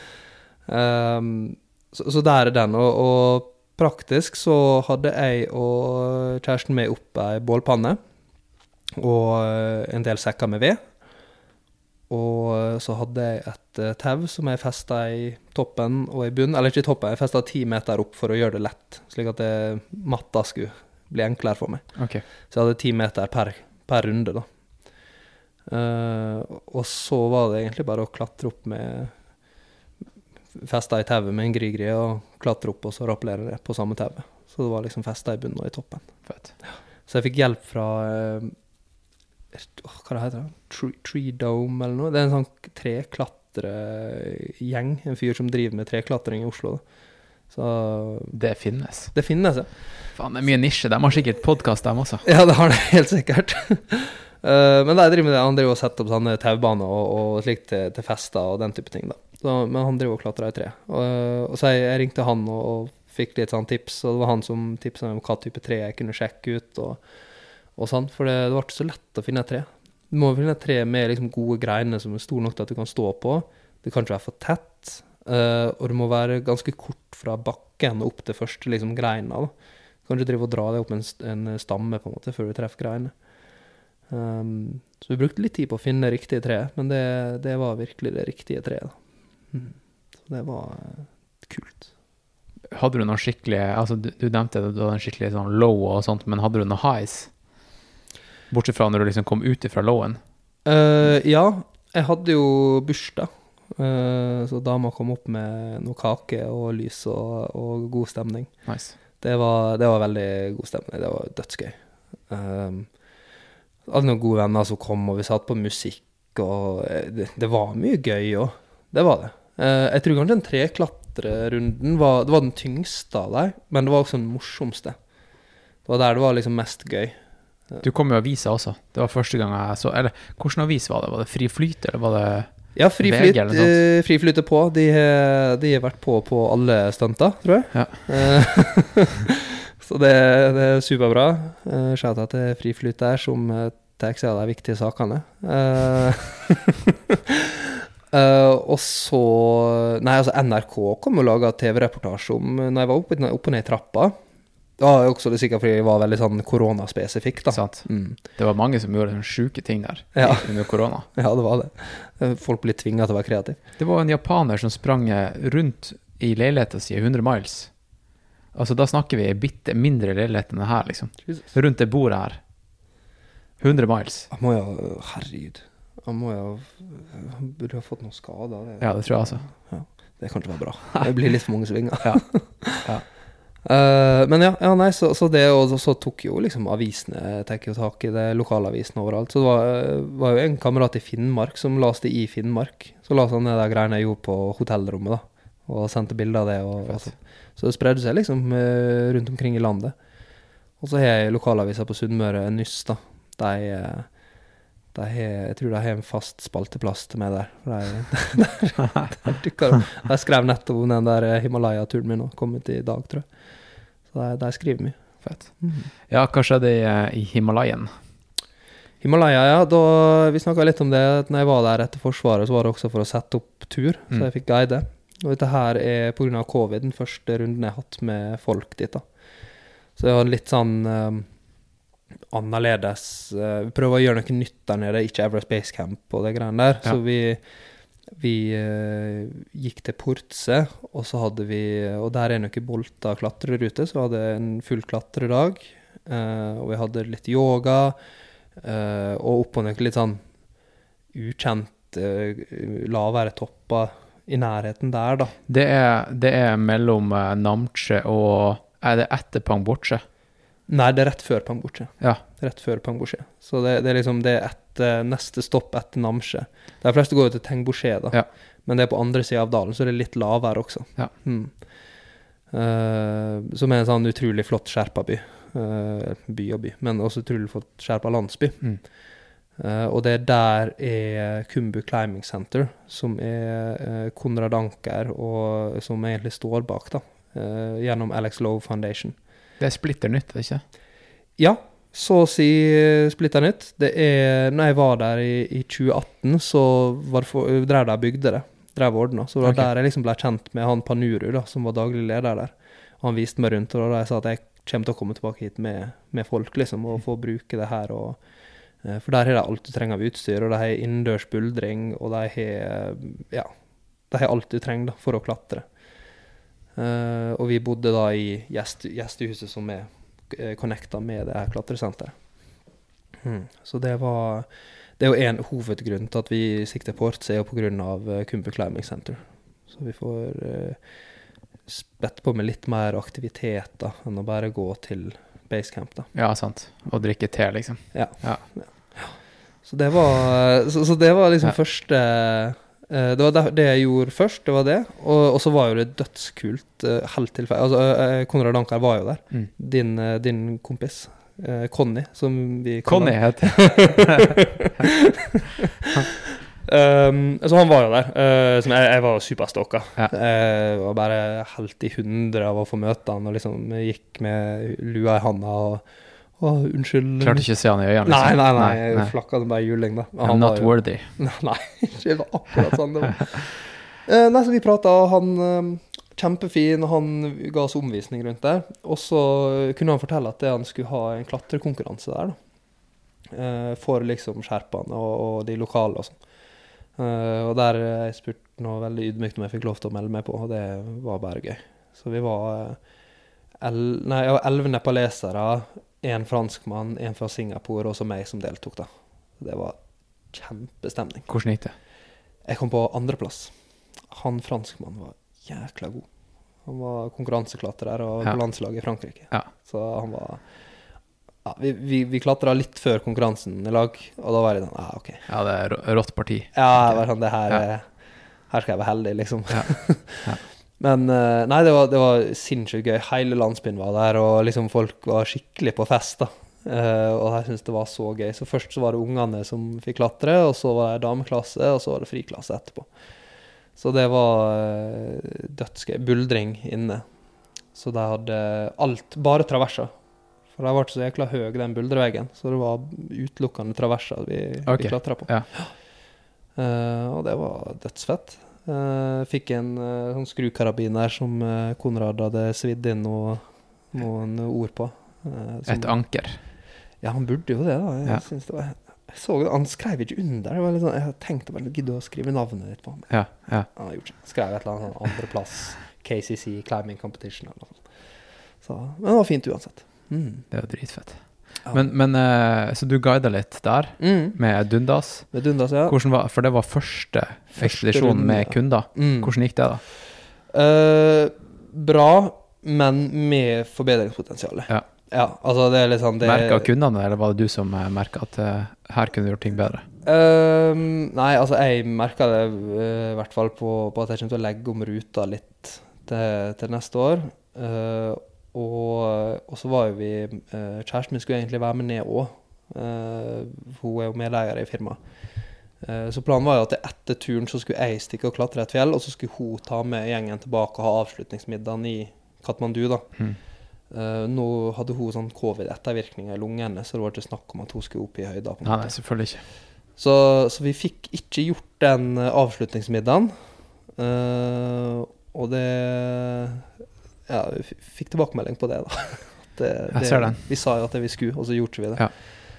Og, og jeg ser den 100 liksom. Det, men, men det var en utrolig flott tur. Kjempefin tur. Mm. Altså. Og det, jeg tror alle var enige om det. Men uh, uh, igjen, da. Vi kommer til å kjøre på igjen uh, neste år, og da blir det litt sånn forskjell, forandring på ruten og sånn. Men eh, Det er liksom eh, Jeg var jo i Nepal eh, på senhøsten, og det er akkurat som at eh, de fleste drar dit på denne tida av året. mm, Hva, altså det er monsun på, på våren og, sommeren og sånt, ikke det? Jo, da er det dårlig vær. På vinteren så er det kaldt. Ja. Det er jo kaldt nå òg. Ja. og så er jo det da høsten er veldig bra sånn tracking, for da er det veldig klart i, i lufta, så Mm. du ser langt. Uh, og oktober er jo egentlig en veldig tørr måned. Selv om slik det er overalt i verden, så er den der regntida flytta seg, da. Den kryper lenger og lenger inn i oktober. Så, så før vi starta turen vår 15. oktober, og, og liksom første uka, så hadde det bare regna og regna og regna. Eh, så fly kunne ikke ta av eller komme på Lukla. Og eh, ja, Kristin Harilla satt jo fast Stemmer på det. Lukla. og- Stemmer det. ja. så vi hadde en litt sånn Shit, skal vi skal bli skikkelig drittvær, liksom? Traff du på Kristin? Nei, jeg gjorde ikke det. Jeg gjorde ikke det. Hun eh, Nei, vi, vi bomma liksom egentlig akkurat på hverandre. Hun var jo på Chuyo basecamp da jeg eh, drev og skulle holde på på eh, opp mot Cholatse, som Ja. var det fjellet jeg klatre etter guida. da. Ja, for du, du ga dem tilbake til, til da Lukla, tok flyet tilbake til eh, Katmandu, og så sa du ha det bra til kundene, og så dro du tilbake Nei. til eh, Kumbu. Nei, nei. De, eh, de eh, tok liksom en dag sjøl. Altså, de gikk med, med nepalsk guide, da, Ja. som skulle ta dem med tilbake. Og så tok de helikopter fra Pakting. Ja, ok. Men det var et valg de, de tok for de ville. Ja. Ja. Det tror jeg også kanskje jeg skal legge på neste år. Det er digg å fly ut. Den ser jeg. ja, det er Ja. litt deilig. Uh, men nei, så, så de, uh, vi avslutta liksom oppe i Kumbu der, og så, og så gikk jeg til, uh, til Cholatse, da. Alene. Skulle egentlig ha med en, eh, en til, men han ble så dårlig på høydesyke. Han var skikkelig høydesyk. Eh, så, så det ble bare meg og, og da to sånne climbing sherpas, da. Så, så vi kom oss eh, til basecamp. og dagen etter Altså kom dit, sov, og så er det den pujaen, den seremonien før du får lov til å klatre fjellet, som, som vi deltok på. Og der som del av den, så er det vanlig å få en liten kopp med vin eller noe whisky eller et eller annet sånt også. Ja. Og her så var det noen som hadde gjort en litt sånn slett jobb med å velge den rødvinen. For der var det noen som hadde valgt en, en rødvinseddik, for det sto red wine på den. eh, og hadde fylt opp koppen min. Og du nordmann, så er du høflig, sånn, du drikker jo det du får. Men det var jo eddik, liksom. Og jeg drakk den 1,5 kopp med rødvinseddik. Og når du da har på hvert måltid drukket Sherpa-Tea, som er 50-50 jakkmelk og, og te, da, og det treffer ned i magen Ja. og bare vrenger hele systemet. Og jeg ble så dårlig. Ja. Jeg ble så sjuk. Og det, det gikk sånn liksom ti minutter, kvarter etter jeg drakk den der, så bare Det her er ikke bra. Rett ut og, og liksom begynne å spy og diaré, og det er bare åh. Men Drakk, drakk alle de andre da? ja, de, de er Hæ. bra, liksom. De, men de er kanskje litt tøffere i magen meg, da. Eh, men min Ja. liksom. Så, eh, så jeg ble skikkelig, skikkelig sjuk, men tenkte jo at uh, matforgifting over om en dag, eller, eller maks to, da. Så, så dagen etterpå så skulle jeg gjøre en litt sånn akklimatiseringstur opp på en sånn nabotopp før Cholats der, da. På, på fem, Basecamp 4007, og den her var oppe på 5001-5002 eller noe. Så jeg skulle gå opp dit. eh, gikk fortsatt dritdårlig og endte med at jeg dreit rett i buksa, liksom. Og det var Kjipt å drite i buksa oppi, oppi der. Ja, det er Du leit. har liksom bare én altså. skift. Ja, det er ordentlig, ordentlig kjipt. Så eh, ordentlig dårlig, kom ned igjen, og så derifra så ble det bare verre. Verre og verre. Og Mm. spydd og Og den liksom, jeg greide ikke å gå nesten. Jeg ble så dehydrert. Jeg drakk vann, og så kom det rett opp. Uh, så det liksom på dag tre, da, så var vi bare sånn OK, får vi teste den forsikringa her, da, om Ja, den er ja. så god som de eh, skal ha det til. Uh, og måtte bare helikopterevakueres ned til Katmandu. Så uh, takk til Gjensidige Himalaya-forsikring. Shout-out. Shout-out til deg, altså. For det, uh, Gjensidige ville ikke sponse min legetime på mandag. det ville ikke. Nei. Eh, det, det her er litt sidespor, da, men det hadde seg sånn at jeg, måtte, jeg måtte tydeligvis få godkjent av idrettens eh, skadetelefon først. Okay. Før Gjensidige kunne gi meg tommel opp på å bruke penger på, på noe sånt. Ja. Ja, og det hadde jeg fått. Det var bare det at eh, vi, ble, vi avtalte at jeg skulle eh, til fastlegen, okay. og ikke til Nimi. Men det var dem som, som foreslo Nimi. Jeg foreslo fastlegen, long story, men på papiret, det som ble notert, var at jeg skulle til fastlegen. Ja. Og så dro jeg til Nimi, og så vil de ikke betale for det, fordi at det står ikke i rapporten. Ok, så en liten anti-shout-out til Gjensidige der, Ja, da. Det er tilbake på null. Ja, men, eh, men når papirene, eh, papirarbeidet er i orden, da, så kan jeg tenke meg at eh, de måtte punge ut med ganske mye for den helikopterturen. Og, og alt det der der. Mm. Det måtte de nok, men det var ingen problem. Nei. Det var, de hadde en Ja. kjapp telefonsamtale fra sykehuset. Ja. Og sykehuset skrev liksom rapporten at det her var en legitim evakuering. Aldri noe mer spørsmål eller styr eh, i en eller andre retninger. Så det var bare Fett, fett. smooth. Ingen problem. Betaler for det, så klart. Men så hadde jeg også kjøpt Himalaya-forsikringer. Så det finnes. ja, det okay, finnes egen okay. Himalaya-forsikring opp til 6000. Det fantes ikke når jeg var der. Nei, OK. Nei. Det, det har de nå, da. Ja, okay. uh, hvis du skal over 6000, og det, det skulle jo jeg, så da kjøpte jeg ekstra med, uh, med World Rescue. Så, så jeg hadde liksom World Rescue for liksom klatredagene, Mm. og så hadde jeg gjensidig for alt annet. da. Ok. Og det var, det var rimelig, ganske billig, og det var ikke noe stress i det. Men hvis du er på 6003 og det skjer noe, så klarer du å komme deg til 6000. Snuble Åh, nedover. Ja, sant? Ja, ja altså hvert jeg løft hvor hvor jeg liksom om om liksom cutoffen er at du har tenkt deg til seks, over 6000. Ja, sant. at, eller hvor det Derfor hadde jeg to, for å være Ja. Men, eh, men uansett, havna på sykehuset, fikk intravenøst og alt det der. Og så da tenkte jeg at eventyret er over, og nå var det hjem igjen, da. Eh, begynte å se på å bytte flybilletter, og drev på telefon med flyselskapet. Eh, og midt under det så fikk jeg liksom fra han eh, Pemba som drev logistikken der, da, at det, det var et helikopter som skulle til Namsje. Og jeg, hvis jeg ville, så kunne jeg hive meg på det, da.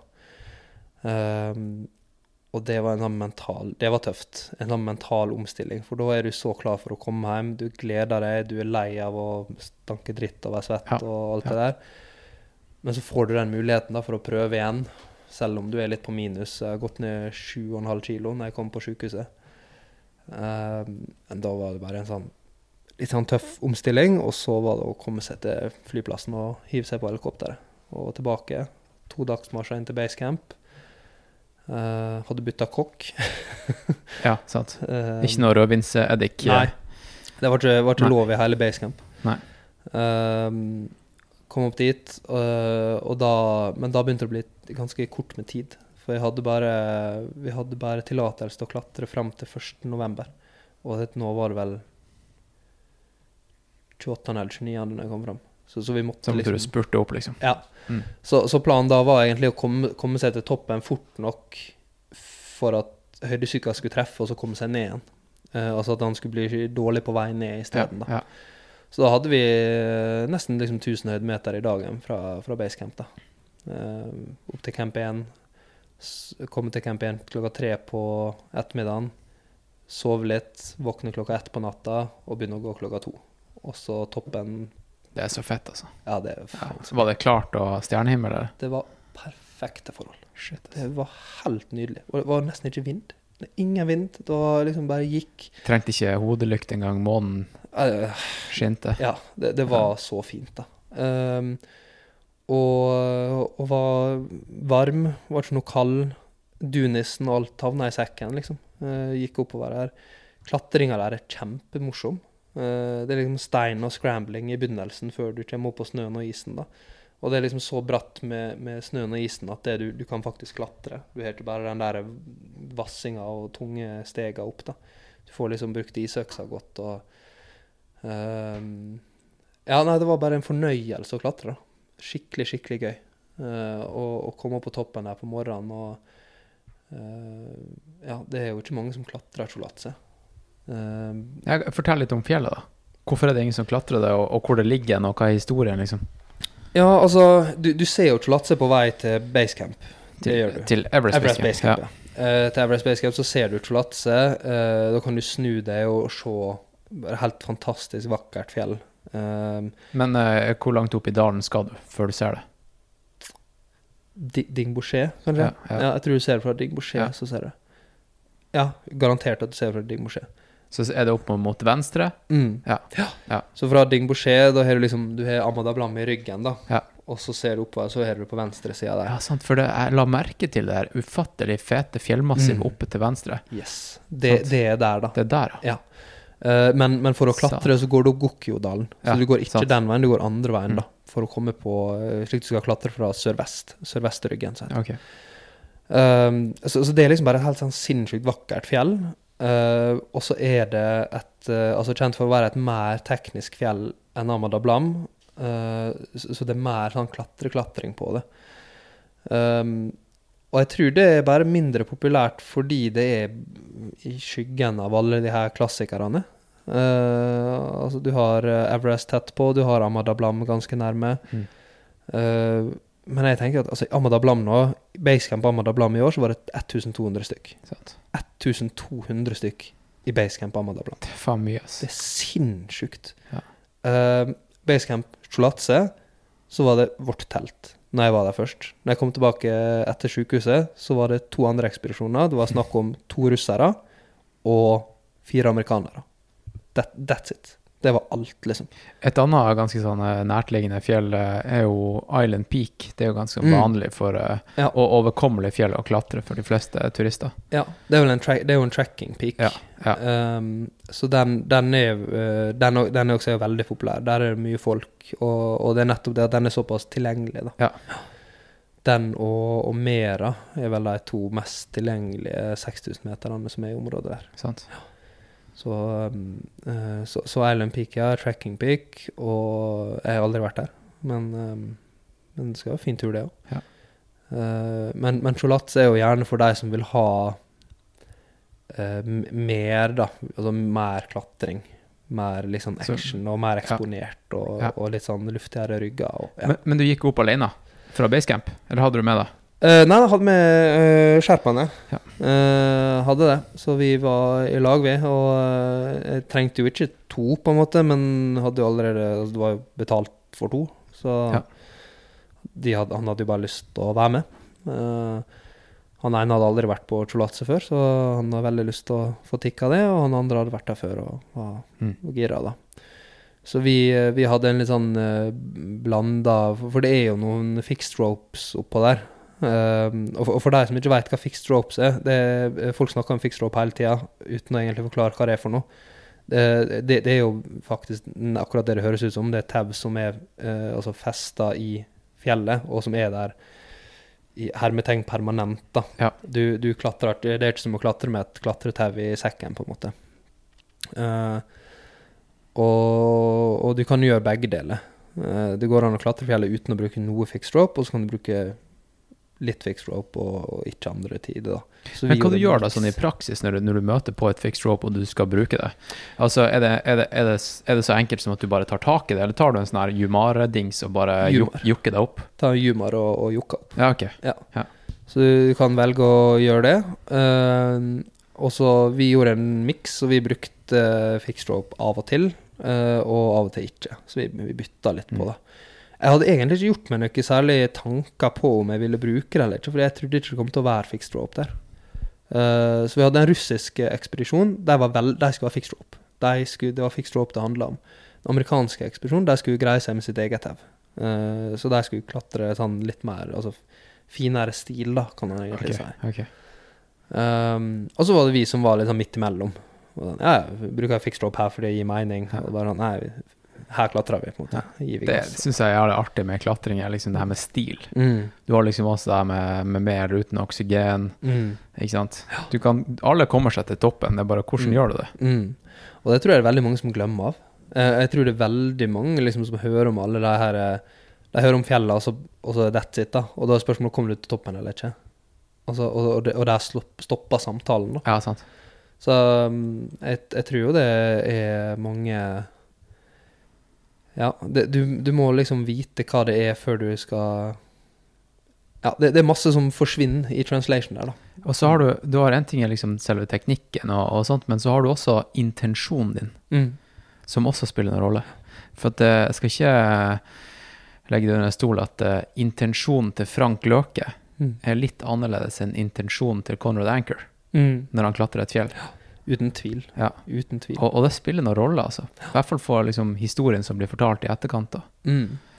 Ja, klart det gjør det. Og, og, og han eh, Frank Løke har vel sagt ganske åpent på din podkast han er jo ikke klatrer. Nei, nei. nei. Eh, og Så det er en forskjell der, Ja. Eh, både på liksom eh, hvor mye beslutninger tar du sjøl, hvor mye er det du egentlig leder det, og ja, nettopp hva har du lyst til å få ut av det. Hva Ja, det du gjør på fjellet. Ja.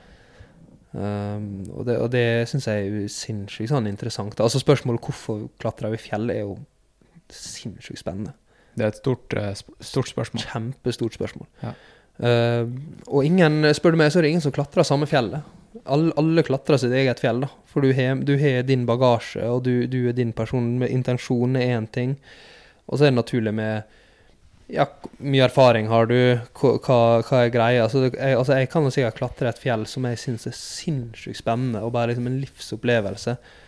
Og som kanskje Conrad Anchor har tenkt at ja, det her var en hyggelig ettermiddagstur, på en måte. Sant, sant. Så um, jeg prøver liksom å ha respekt for, for alle, uansett hvordan de klatrer fjell, fordi alle har sin egen greie, da. Men, men så er jeg også veldig sånn Jeg veit det er en forskjell, da. Jeg veit det er forskjell på hvordan folk gjør ting, og, og det er litt sånn, jeg prøver heller ikke å sette alle i samme bås. eh, at, alle, at et fjell er et fjell, for det er ikke det. Nei. Um, jeg hadde en utrolig sånn kul opplevelse i sommer når jeg eh, guida eh, en gjeng fra eh, Oslo International School på Galdhøpiggen. Og da var det noen som eh, var litt sånn Ja, det var kult. Uh, litt sånn sliten. Og ja, greit, skal vi komme til toppen? Og liksom gikk oppover. Men så hadde jeg tre stykk som bare hadde sin livskamp oppover der, da, som var bak, bakerst. Og bare var på alle fire og liksom dro seg oppover. Syns de det var jævlig, liksom? Tungt og sånt? Ja, var det, det, det, var som å se liksom, eh, tatt ut fra en sånn der eh, Everest-film på 90-tallet. Liksom. Bare sånn pusting og snørr og bare De måtte grave så jækla djupt, da. Og jobba de ungdommene der, 15-16-åringer. Og, og var to karer og ei jente. da. Og jeg begynte å holde på og var litt sånn Karer begynte å miste motivasjon, og, og, så, og, og så endte det med at det, de to gutta bare Nei, fuck det her. Vi gidder ikke. Nekta. Jeg vil ikke gå lenger. Jeg sa, Kom igjen, jeg har prøvd å motivere og slik og slik. Nei, nei, det her er dumt. Idioti, og de er slitne, og de er ferdig. Så hadde jeg en sånn tordentale, da, for da var hun jenta ti meter foran oss da, og lå liksom og dro seg sånn fire skritt, og så la seg ned. ja, ja. Fire skritt, og så la seg ned. Og så jeg vet hva, jeg driter i om dere kommer opp eller ikke. Men hvis dere gir dere nå, så kommer ikke hun opp. Og dere skal faen ikke komme her og ødelegge det, for hun sitter og kjemper for livet sitt. ja, ja. Og så, hvis, hvis jeg skal gå og fortelle hun nå at det, «Du, sorry, vi må gå ned fordi de her eh, slappisene eh, ikke orker mer, er sånn, det nekter jeg. Så dere to, ferdig med å motivere dere, men dere skal faen meg opp, for dere skal ikke ødelegge dagen for hun der, da. Og det bare, da kicka der, da, og opp og motiverte hun og fikk hun opp, og det var skikkelig flott. Ja, dritfett. Hele klassa bare applaus når de kom opp, da. Og det er jo litt sånn tilbake til den at alle klatrer sitt eget fjell, da. Det der er, det fjellet for hun jenta, de to karene her, Ja. det var liksom Det var krigen, da. Fjellet sitter oppi hodet. Mm, nettopp det. Og, og slik er det for alle som klatrer, og det er kanskje derfor vi gjør det for, på forskjellige måter, for forskjellige grunner, intensjoner, hva enn det skal være. Mm. Det er et eller annet sånn veldig personlig med å klatre fjellet, for du får møtt deg sjøl på Ja, du får møtt deg sjøl på så utrolig mange måter. Um, så det er liksom å spørre Jeg får liksom spørre ja, hvordan var Cholatse, var det fint? Altså, jeg blir sinnssykt fattig å si at det var fint Ja, sant. ja, det var fint, men fy faen så jævlig det var òg. Så tøft og så tungt og så ensomt og så, så eh, vakkert. Altså, det er, du har hele spekteret. Du har, et, du har liksom nok følelser og opplevelser for et liv, ikke sant. Så det Nei, fjellet er spennende. Jeg så jo det i går. Jeg satt på, på Godt brød nede på, i Torvald Meyers gate. Satt i, i vinduet der og venta på en kompis, og så ser jeg bare du trasker oppover der. Så tenkte jeg bare faen, han der kommer rett fra Himalaya. Han er nå, han er nå på en heftig post expedition blues, mm. deprimert, og prøver å finne meninga i eh, alt det stresset i storbyen. Hvordan var det å komme tilbake? Ja, det er ganske likt det du sier, da. Uh, altså Utrolig flott å komme hjem til kjæresten min. Herregud, så, så deilig det var. Men så er det nettopp det, når jeg drev og gikk der her, Jeg er så glad for du sendte meg en melding, da. Ja. For jeg satt og bare Jeg satt og så på at kaffekoppen min ble kald, ikke sant. Ja. Og, og bare sånn øh, Ja, jeg satt liksom bare og Hva skal jeg gjøre nå? Så, ja, jeg har et par e-mailer jeg må svare på, på en måte. og Nei, det er nettopp synes jeg var på en skikkelig sånn postekspedisjon blues i går når du, eh, når du heldigvis sendte meg melding og inviterte meg ned og kom og prata og, sånn. For det er, annet, det er noe veldig ensomt med det. Du kommer hjem og så er det litt sånn Du, du, føler, du føler deg veldig sånn ensom, og det, folk rundt forstår ikke. og Du kan ikke gå og fortelle alle at det, å, det har nettopp hatt en stor opplevelse i Himalaya. Nei, sant. Da er du en dust igjen, Det da. er det en dust, Ja, det er som å stå og skyggebokse. Ja, ikke sant? Ja. da kan du like godt ta skyggebokse med, med, på, på bordet med kafeen. Ja. Nei, så, så det har vært um, Det har vært en litt sånn om, eh, om Jeg driver fortsatt og lander litt. Jeg tror i dag er den dagen jeg føler meg normal igjen for første gang. da. Um, komme hjem med litt sånn eufori og se han kjæresten min på, på flyplassen og hente meg. Og, og det var helt utrolig vakkert å komme hjem. Men så, ja, når jeg skal gå og dasse rundt alene i gatene, så er det sånn «Åh, Ja, får se. Um, så var vi på spa. The Well. I forgårs. Det, det hjalp litt, da. Men du klarte å nyte det? Ja, Ja, ja, da, for da er det liksom inne i badstua, ned i kaldkulpen og fram og tilbake. Og du kjenner at det, føles riktig, da. Da lever du litt. Ja, da lever du litt. bare, Det er ikke sånn at du bare lå der og ble massert. Nei, nei, nei. nei du, du får jobba litt, da. Og så er jeg for tidlig ute og begynne å trene. Jeg var og klatra dagen etterpå. Jeg er liksom allerede hjemme siden lørdag, er torsdag nå. Jeg klatra tre ganger og ute og løpt. Og Mm. jeg kjenner at kroppen er ikke klar for det. Kroppen er for sliten, men jeg greier liksom ikke å holde med, da. Du gjør det for hodet sin skyld. da. Ja, mer for det, ja. Men føler du noen gang at liksom det At uh, når du har gjort drøye ting, mange drøye ting, Mm. så har du bevist til deg sjøl at du klarer det meste. Mm. Og når det da kommer sånne trivielle oppgaver i hverdagen, som å sende e-post og Mm. gjøre sånne kjempeenkle ting, så blir de veldig vanskelig. Ja, han skulle jo liksom tro at eh, ja, jeg får til alt, så jeg skal i hvert fall få til det her, men det er egentlig ikke alltid det er sånn, da. Det er litt sånn, han liksom må leite etter mening og sånn. Uh, ja, jeg er helt enig i det. Uh, det. Det er liksom Han, han får også en uh, det her, får en litt sånn pompøs idé om seg sjøl. at han tenker at det, Men jeg har jo gjort det her. Jeg er jo jeg, jeg gjør viktige og store ting, og, og det er jo ikke viktige og store ting, klart feil, men det føles sånn. Um, så så jeg, gikk, jeg gikk og hadde litt dårlig samvittighet, for at det, det jeg har gjort når jeg kom hjem nå, at jeg og dama har sett på australsk realityshow, sånn uh, Home and away. Nei, nei, nei. Married at first sight. Ja, ok. Ja, det er dødsbra. Uh, Shout-out til Married at first sight. Men så sitter jeg og føler meg dust fordi at jeg syns det er hyggelig, da. Uh, for det er litt sånn Men jeg skal jo eh, liksom nettopp kom fra, fra Nepal nå, jeg skal til Somalia i slutten av måneden. Og liksom det, gjør de her tinga som jeg føler er så viktig. Og så bare finner jeg meg sjøl og bare storkoser meg med å se på crap eh, australsk realityshow. Og, Ja. Um, og det er nettopp det, og og det er litt sånn samme de e-mailsene som burde være så lett å skrive. Og så er det bare sånn «Øh, Men det her er ikke viktig nok, på en måte. Det, det, det er ikke en stor nok opplevelse for meg. Nei, sant. Jeg vil liksom ha noe, noe mer, da. Uh, så nei, jeg håper Jeg tror i dag er dagen der jeg landa litt uh, på det, og jeg håper at det blir liksom kvikna litt til i morgen også. Men, uh, men jeg er veldig glad for at jeg ikke har en åtte til fire-jobb som begynte liksom to dager etter jeg kom. her. Ja, sant. Det, det tror jeg blir veldig tøft. Ja. Og må liksom la ting synke litt inn og sånn. Mm. Hva skjer i Somalia? Uh, nei, det er opptrening av en, av en gjeng. Så jeg skal ha sånn eh, Jeg skal utdanne en gjeng til å være Til å kunne utdanne sine andre kollegaer. Rett og slett. Så, eh, Rett, lærer i å være instruktører i, i denne type sikkerhetsfagfelt. Ok, Hvor lenge skal du være der? Eh, Somalia skal jeg være i jeg tror 11 eller 12 dager. Og så skal jeg til Kenya og holde enda et kurs et, rett etterpå, tror jeg. Så det blir, det blir litt sånn fram og tilbake litt rundt i, i Afrika der. Er det noe fjell i Somalia? Nei, det tror ikke jeg. ikke. Jeg har ikke sjekka. Jeg bruker jo, som regel når jeg er ute og reiser, sånn, så bruker jeg å ta en sånn uke eller noe kaller ferie etterpå. Da. Så i Kenya så har jeg vært og klatra Mount Kenya og, og vært på en del crags og klatra. Der er jo en del å gjøre, da. Men, Hm. Det er eh, Crags i Kenya. Crags, ja. ja. Lukenya Hills er, er liksom eh, lokale Nairobi-cragget, da. Som er bolta. Man hører liksom ikke så mye om, eh, om eh, afrikanske klatrere. Nei. Uh, Kenya driver og, og kicker litt i gang nå. Uh, bare på den tida jeg var fram og tilbake der nå, så er miljøet vokst veldig. Det er et par ordentlige ildsjeler eh, gjennom Mountain Club of Kenya. Så de driver og, og som sagt, det bolter masse fint i Lucania Hills. Og rundt Mount Kenya så er det masse småtopper med kjempefine sprekker og mulighet for tradeklatring. Ting som aldri blir klatra før.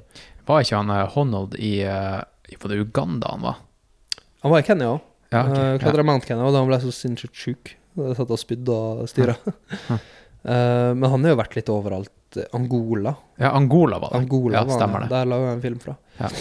Og, um, så han, er, han har vært litt herlig. Da. Han jo, uh, Honnold Foundation er jo veldig fint der nede, og Mm. lager masse sånn uh, elektrisitet og solceller til, til, til folk. Det vet uh, Nå er det alvor alt om. Vi sponser Ah, okay. Foundation Ja, med ca. 500 spenn i måneden. Og det har blitt en del Ja, på fire år nå. Det blir det, da. Ja. Så bra. Så bra. Nei, Afrika er superspennende. Han hører vel mest om klatring i Sør-Afrika, hvis han først hører om det. Ja, sant. Der er det dødsbra. Ehm, men liksom i eh, I liksom midt i Afrika, på en måte, så, så er det vel litt sånn utfordrende, kanskje.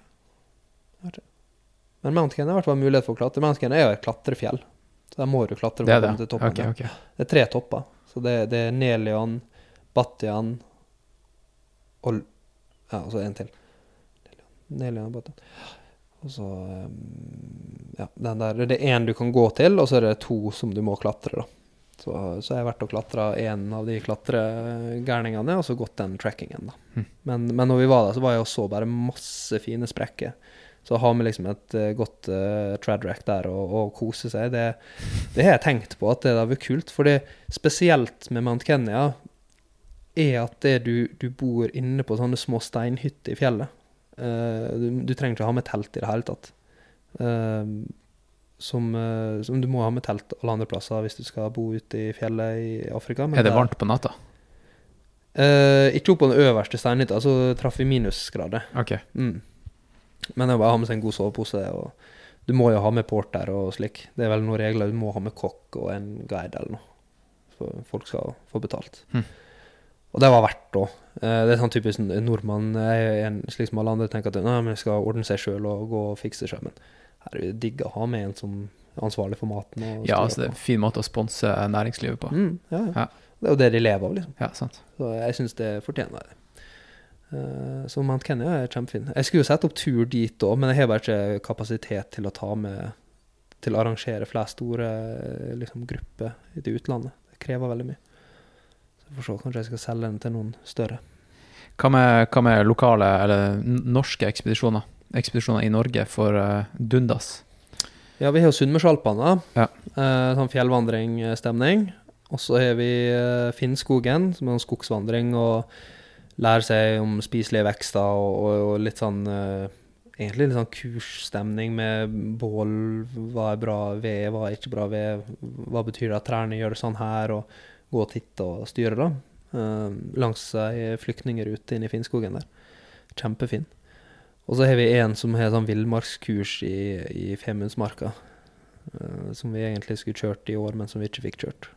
Hvem er de her typiske kundene, da? Er det, er det bedrifter? Nei, det er Skoler? Uh, Det er privatpersoner, altså. Det er det, ja. Ja, det er det. Uh, vi har et par stykker sånn gjengangere som, som er med en type, da. Så vi har én type, er fedre som Altså nylig, nye fedre som har lyst til å lære seg litt. Fordi det er en del læring i alle de turene våre. For å lære bort til eh, kiden Til kiden, ja. Så virker det som de liksom har hatt en litt sånn Shit, jeg har lyst til å ha med kiden min ut på tur, men jeg er ikke helt sikker på Ah, hvordan jeg skal ni- gjøre det. på en måte. nice.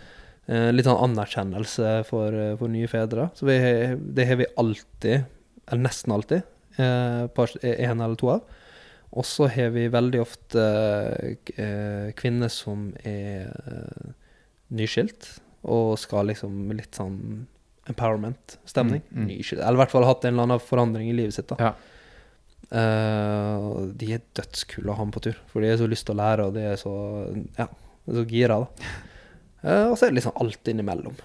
Men stort sett voksne folk, da. Ja, I, ja. ja, 30 pluss. Stort sett 30 pluss. Så jeg, av og til noen litt yngre, men stort sett 30 pluss. Ja. Så det jeg tror jeg er naturlig òg. Det er litt sånn når du er 21 og student, så, så er det kanskje ikke den type turer du bruker penger på. Selv om det blir mer og mer vanlig i Norge å betale for liksom guide og ta det med ut. For det, det, er, det er så greit. Du stikker liksom bare ut, og du, og du, en, du lærer masse, og du, du trenger ikke å bruke så sinnssykt mye tid på den planleggingen og logistikken sjøl. Så det, det er veldig bra for folk som har lyst til å lære seg å være på tur. Det kan jeg tenke meg. Mm. Du har med en liten eh, eh, Hva man skal kalle det her, egentlig? Styrkedrikk. Styrkedrikk, ja. Ja. Hva den heter Tors ild heter det. Det er en eh, veldig god venn av meg som heter Jakob Nodland, som er en sånn urtemann. Urteekspert.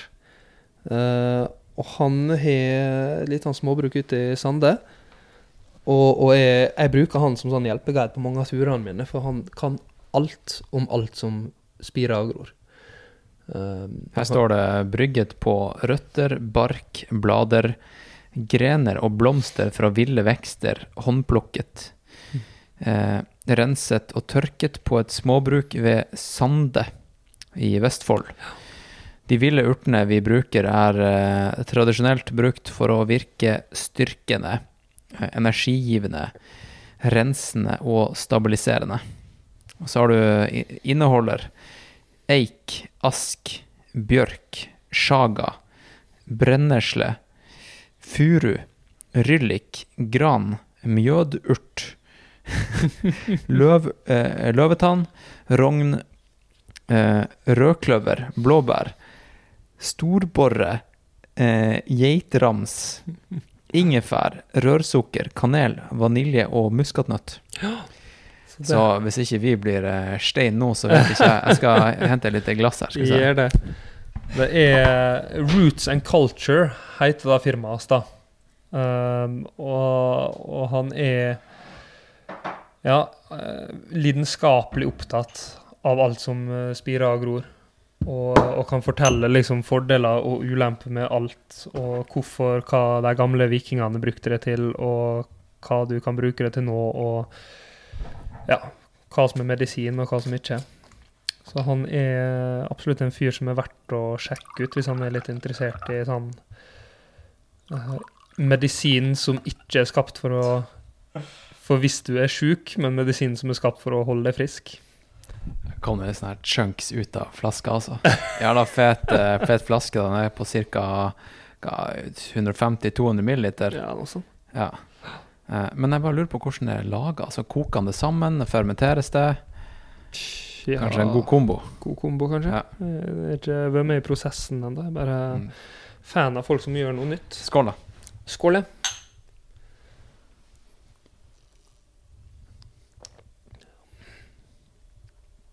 Å, dæven. Ja, liten kick. Hvordan skal vi beskrive det her, egentlig? Det er litt Ja. vanskelig. Jeg prøvde å beskrive det før. Det smaker litt sånn her eh, myr. Den her var litt tam, faktisk. Det smaker myr, fermentert myr, med hint av ingefær, vil jeg si. Men den her Er du ikke enig? Jo, men den her var faktisk litt tam. Ja. Det bruker å være litt mer kick i den. Um, men det er jo litt sånn greie, da. Alle jo, smaker jo litt forskjellig, eller alle batchene, i hvert fall. Ja. Den er faktisk litt tammere enn den uh, jeg er vant med. Det er jo litt kullsyre, så jeg regner med at det er litt fermentering inne i bildet Mm, også. Ja, ja, det er Mm. det. Så det er Nei, det er ut, utrolig kult. Jeg, jeg sa jo at jeg liker folk som gjør noe nytt. Han gjør jo egentlig noe veldig gammelt. Bare Sant, at det, det er sant. lenge siden det er blitt gjort. Ja. Så det er jo uh, utrolig masse. Jeg er jo veldig fascinert og interessert i, i ting som uh, I naturen, og hva, uh, hva han har brukt det til tidligere. Og det er masse sånn informasjon som var allmennlære før, som bare forsvunnet. Folk ikke aner noe. Eh, Nei, altså etter industrielle revolusjon så har vi bare kasta fra oss alt. Ja, ja. Og det er ganske utrolig at det, den type informasjon bare forsvinner. Det, var, det, det fascinerte meg i, eh, når jeg var i India. Så var det en, en brite som har flytta hit, da, som hadde en sånn eh, restaurant der han, alt han serverte, var liksom plukka innenfor en radius på 100 meter. og Sånn. Oi, shit. Og han kunne fortelle at det, han hadde vært rundt i de nabolandsbyene der, og så ser han folk sitte og sulte under et tre, og så kan han gå bort og si at det, Men det, det treet her Du kan spise den der jævla blomsten. Du kan spise det bladet. De røttene her er fulle av fiber. Bare sånn du sitter med et koldt bord. da. Uh, og litt sånn er det i, i norsk natur også. Altså det, det er masse næring i masse greier der ute. Uh, og det er Det går an å, å, å lære, lære seg, da. Plukke med seg. Uh, altså så Ja, og hvordan man tilbereder det for å kunne ta det i seg. mm, Sånn, jeg tipper at mye av det her kan du ikke bare spise rått fra bakken. Mye kan man. Ja. Mye mer enn han kanskje skulle tro, men, men veldig masse av det så fortsatt han så mye karbohydrater sånn, da. Da må man være litt mer eh, Ja, da må man ofte tilberede litt sånn rødt og, og den type ting. Det er ikke så mye macro, det er mye mikro. Mye mikro. Ja. Uh, men så finnes det ting som er masse makroer. Altså brennesle er jo høyere Uh, næringsverdier der enn spinat, altså med karbohydrater og Såpass, ja. Ja, altså sp- brennesle er er mat-mat, liksom. Mm. Men uh, du må jo koke, da. Ja, hvis ikke så får du noen heftige, Brenn det i leppa. Ja. heftige munnsår. Ja. så jeg plukka opp, og jeg sto ved en liten gjeng, da. eh, og så plukka jeg opp Det var en som ikke var fra Norge. Så hadde jeg brennesle. Så den her, så har jeg også fortalt det er så mye protein og slik, slik. Så bare tar han og putter den i munnen. Og sånn, Men du må koke den. Nei, men den var spesiell, den her. ja, den er spesiell. Han, han kjenner liksom at det, at det er et eller annet. Mm. Rått. Ja, nei, men eh, fett, du får ha masse lykke til på mandag, da. Det blir jo crazy. Ja, det blir veldig spennende. Hvorfor mandag? Eh, hvorfor ikke? Ja, Ja, men altså- hvorfor ikke i dag? Ja, nei, jeg er ikke helt klar ennå. Nei, sant. Jeg er ikke, jeg er ikke landa Jeg er ikke på plass psykisk ennå. Jeg driver fortsatt og lander litt. Så jeg tenker mandag så har jeg hatt god nok tid til å, å komme på plass. Ja, du må bli litt sulten igjen, liksom. Litt sulten Men- igjen. Mentalt sulten. Ja, og komme tilbake altså fysisk også. Jeg kjenner at jeg har ikke så mye energi som jeg skulle ønske jeg hadde. Nei. Fortsatt litt jetlagd, alt det greiene der. Så det er litt sånn, hvorfor ikke mandag? Mandag eh, ser ut som det funker bra. Tror det skal være greit med vær også. Hvor du skal gjøre det? I uh, Torshovparken. Der er en sånn der eh, Ja, den der Tufteparken. Yes. Ja. Ja. Så der blir det, da. Og da er det Jeg har egentlig lyst til å skaffe meg sånn prosjektor så jeg kan sette på film eller noe. I hvert fall til natta, på veggen der. Uh, for det hadde jo vært hyggelig. Så Torshovparken, det eh, det er jo ikke Torshovdalen der du eh, gjorde det her eh, trestuntet. Nei. Men i den her Tufteparken, er den nede med basketbanen og volleyballbanen og Yes. den der graffitiveggen? Nemlig. Ja. Så det er hjørnet der, da. Ja. Og der er, der er sånn pullup-stang og, og alt han trenger. Så da er det å stikke dit, ta med bag og det jeg trenger, og så kommer jo de her fra Sunt og Godt, eh, der vi kjøpte jusen herfra, og, og leverer både frokost, lunsj og middag til meg. Shout-out til Sunt og Godt. Ja, det, jeg, og alle de jeg har gjort shouta til nå, har ingen sponsoravtale med noen av de. Det her er bare fordi det her er Vi trenger mer sånne folk, da. God og sunn og masse bra næring. Mm. All right. Det vi, det vi tar og gjør, da, siden uh, den podkasten her kommer ikke ut med en gang Jeg tar og, jeg tar og ringer deg Ja. etter at du Mm. har fullført eh, det her um, Hva kalte du det fjellet som du skal klatre med pullups? Ta og Finn eh, nøyaktig navnet på fjellet Ja, det er jo litt sånn flaut at jeg ikke bare hadde det um, i bakhodet. Ja, ja. Jeg, jeg, jeg ser det for meg uh, hvordan det ser ut med bokstaver, men uh, det er litt sånn uh, dustete navn. Og Mount Koskiusko Skjønner jeg hvorfor jeg er dårlig Eh. på å uttale det der, da? Koskiusko. Ja. Men er, er det noe sånn her aborginsk? Helt sikkert. Ja. Koseosko. få se på. Koseosko. All right. Vet, hvor det er han i Australia? Aner ikke. Midt i, liksom? Jeg har ikke peiling. Hmm. Det er Ser ikke veldig teknisk ut. Det er ikke et spesielt interessant fjell, Nei. og det er jo derfor uh, Mestner velger Punkak Jaja Ja. som sin uh, Som jeg egentlig er enig med han i, da. Eh, at det hadde vært morsommere. Men hvem veit, kanskje jeg er i kjempeform, og så bare druser jeg opp til Punkak Yaya også. Eh, at jeg bare drar opp eh, og, og setter verdensrekord i pullups. Takk for praten i dag, da. Takk for praten. Veldig, veldig hyggelig.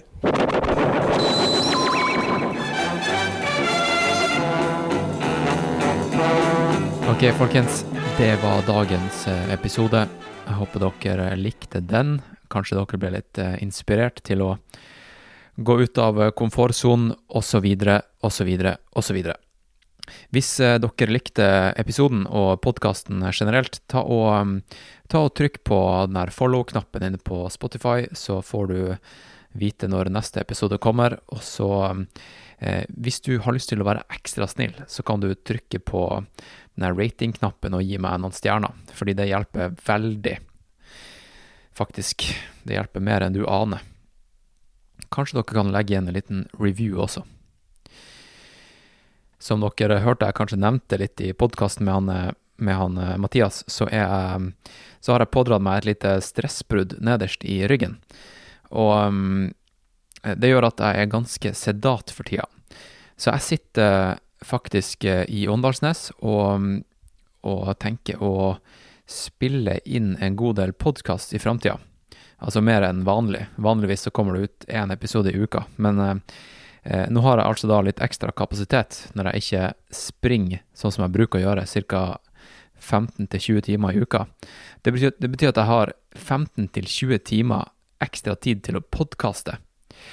Så hvis du har noen tips til eh, folk jeg burde ha i podkasten, her inne på Noe det alvor på iTunes og Spotify, som, eh, ja, som jeg sa i introen, er litt mer fjellsportrelevant, ta og si ifra. Og hvis eh, du er en Patrion som hører på nå, og eh, har noen tips til ultraløpere jeg burde snakke med, eller race directors, eller et eller annet sånt, ta og, og si ifra til meg også. Ok, vi, vi snakkes i neste episode, da, folkens. Over og ut. Roger og Knut.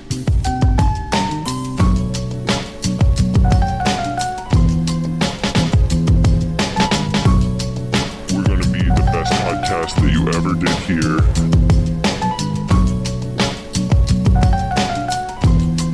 We're gonna teach you, we're gonna entertain you.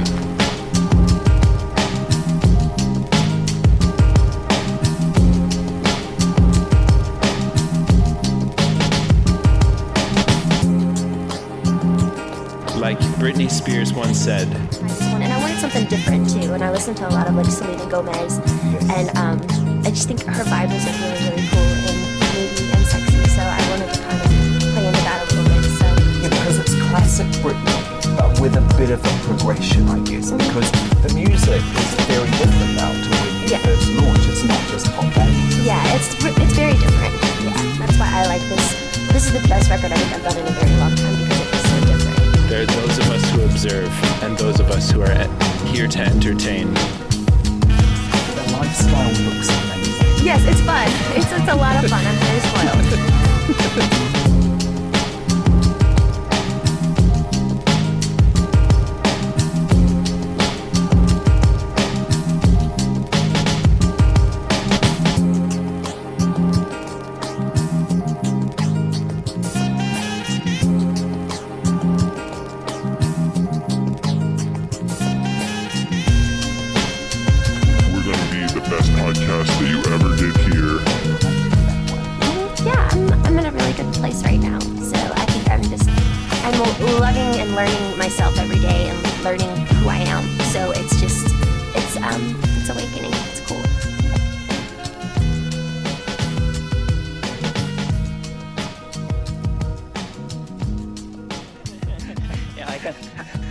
sier jeg over ut, Ja. eh, Roger Knut. Roger Knut.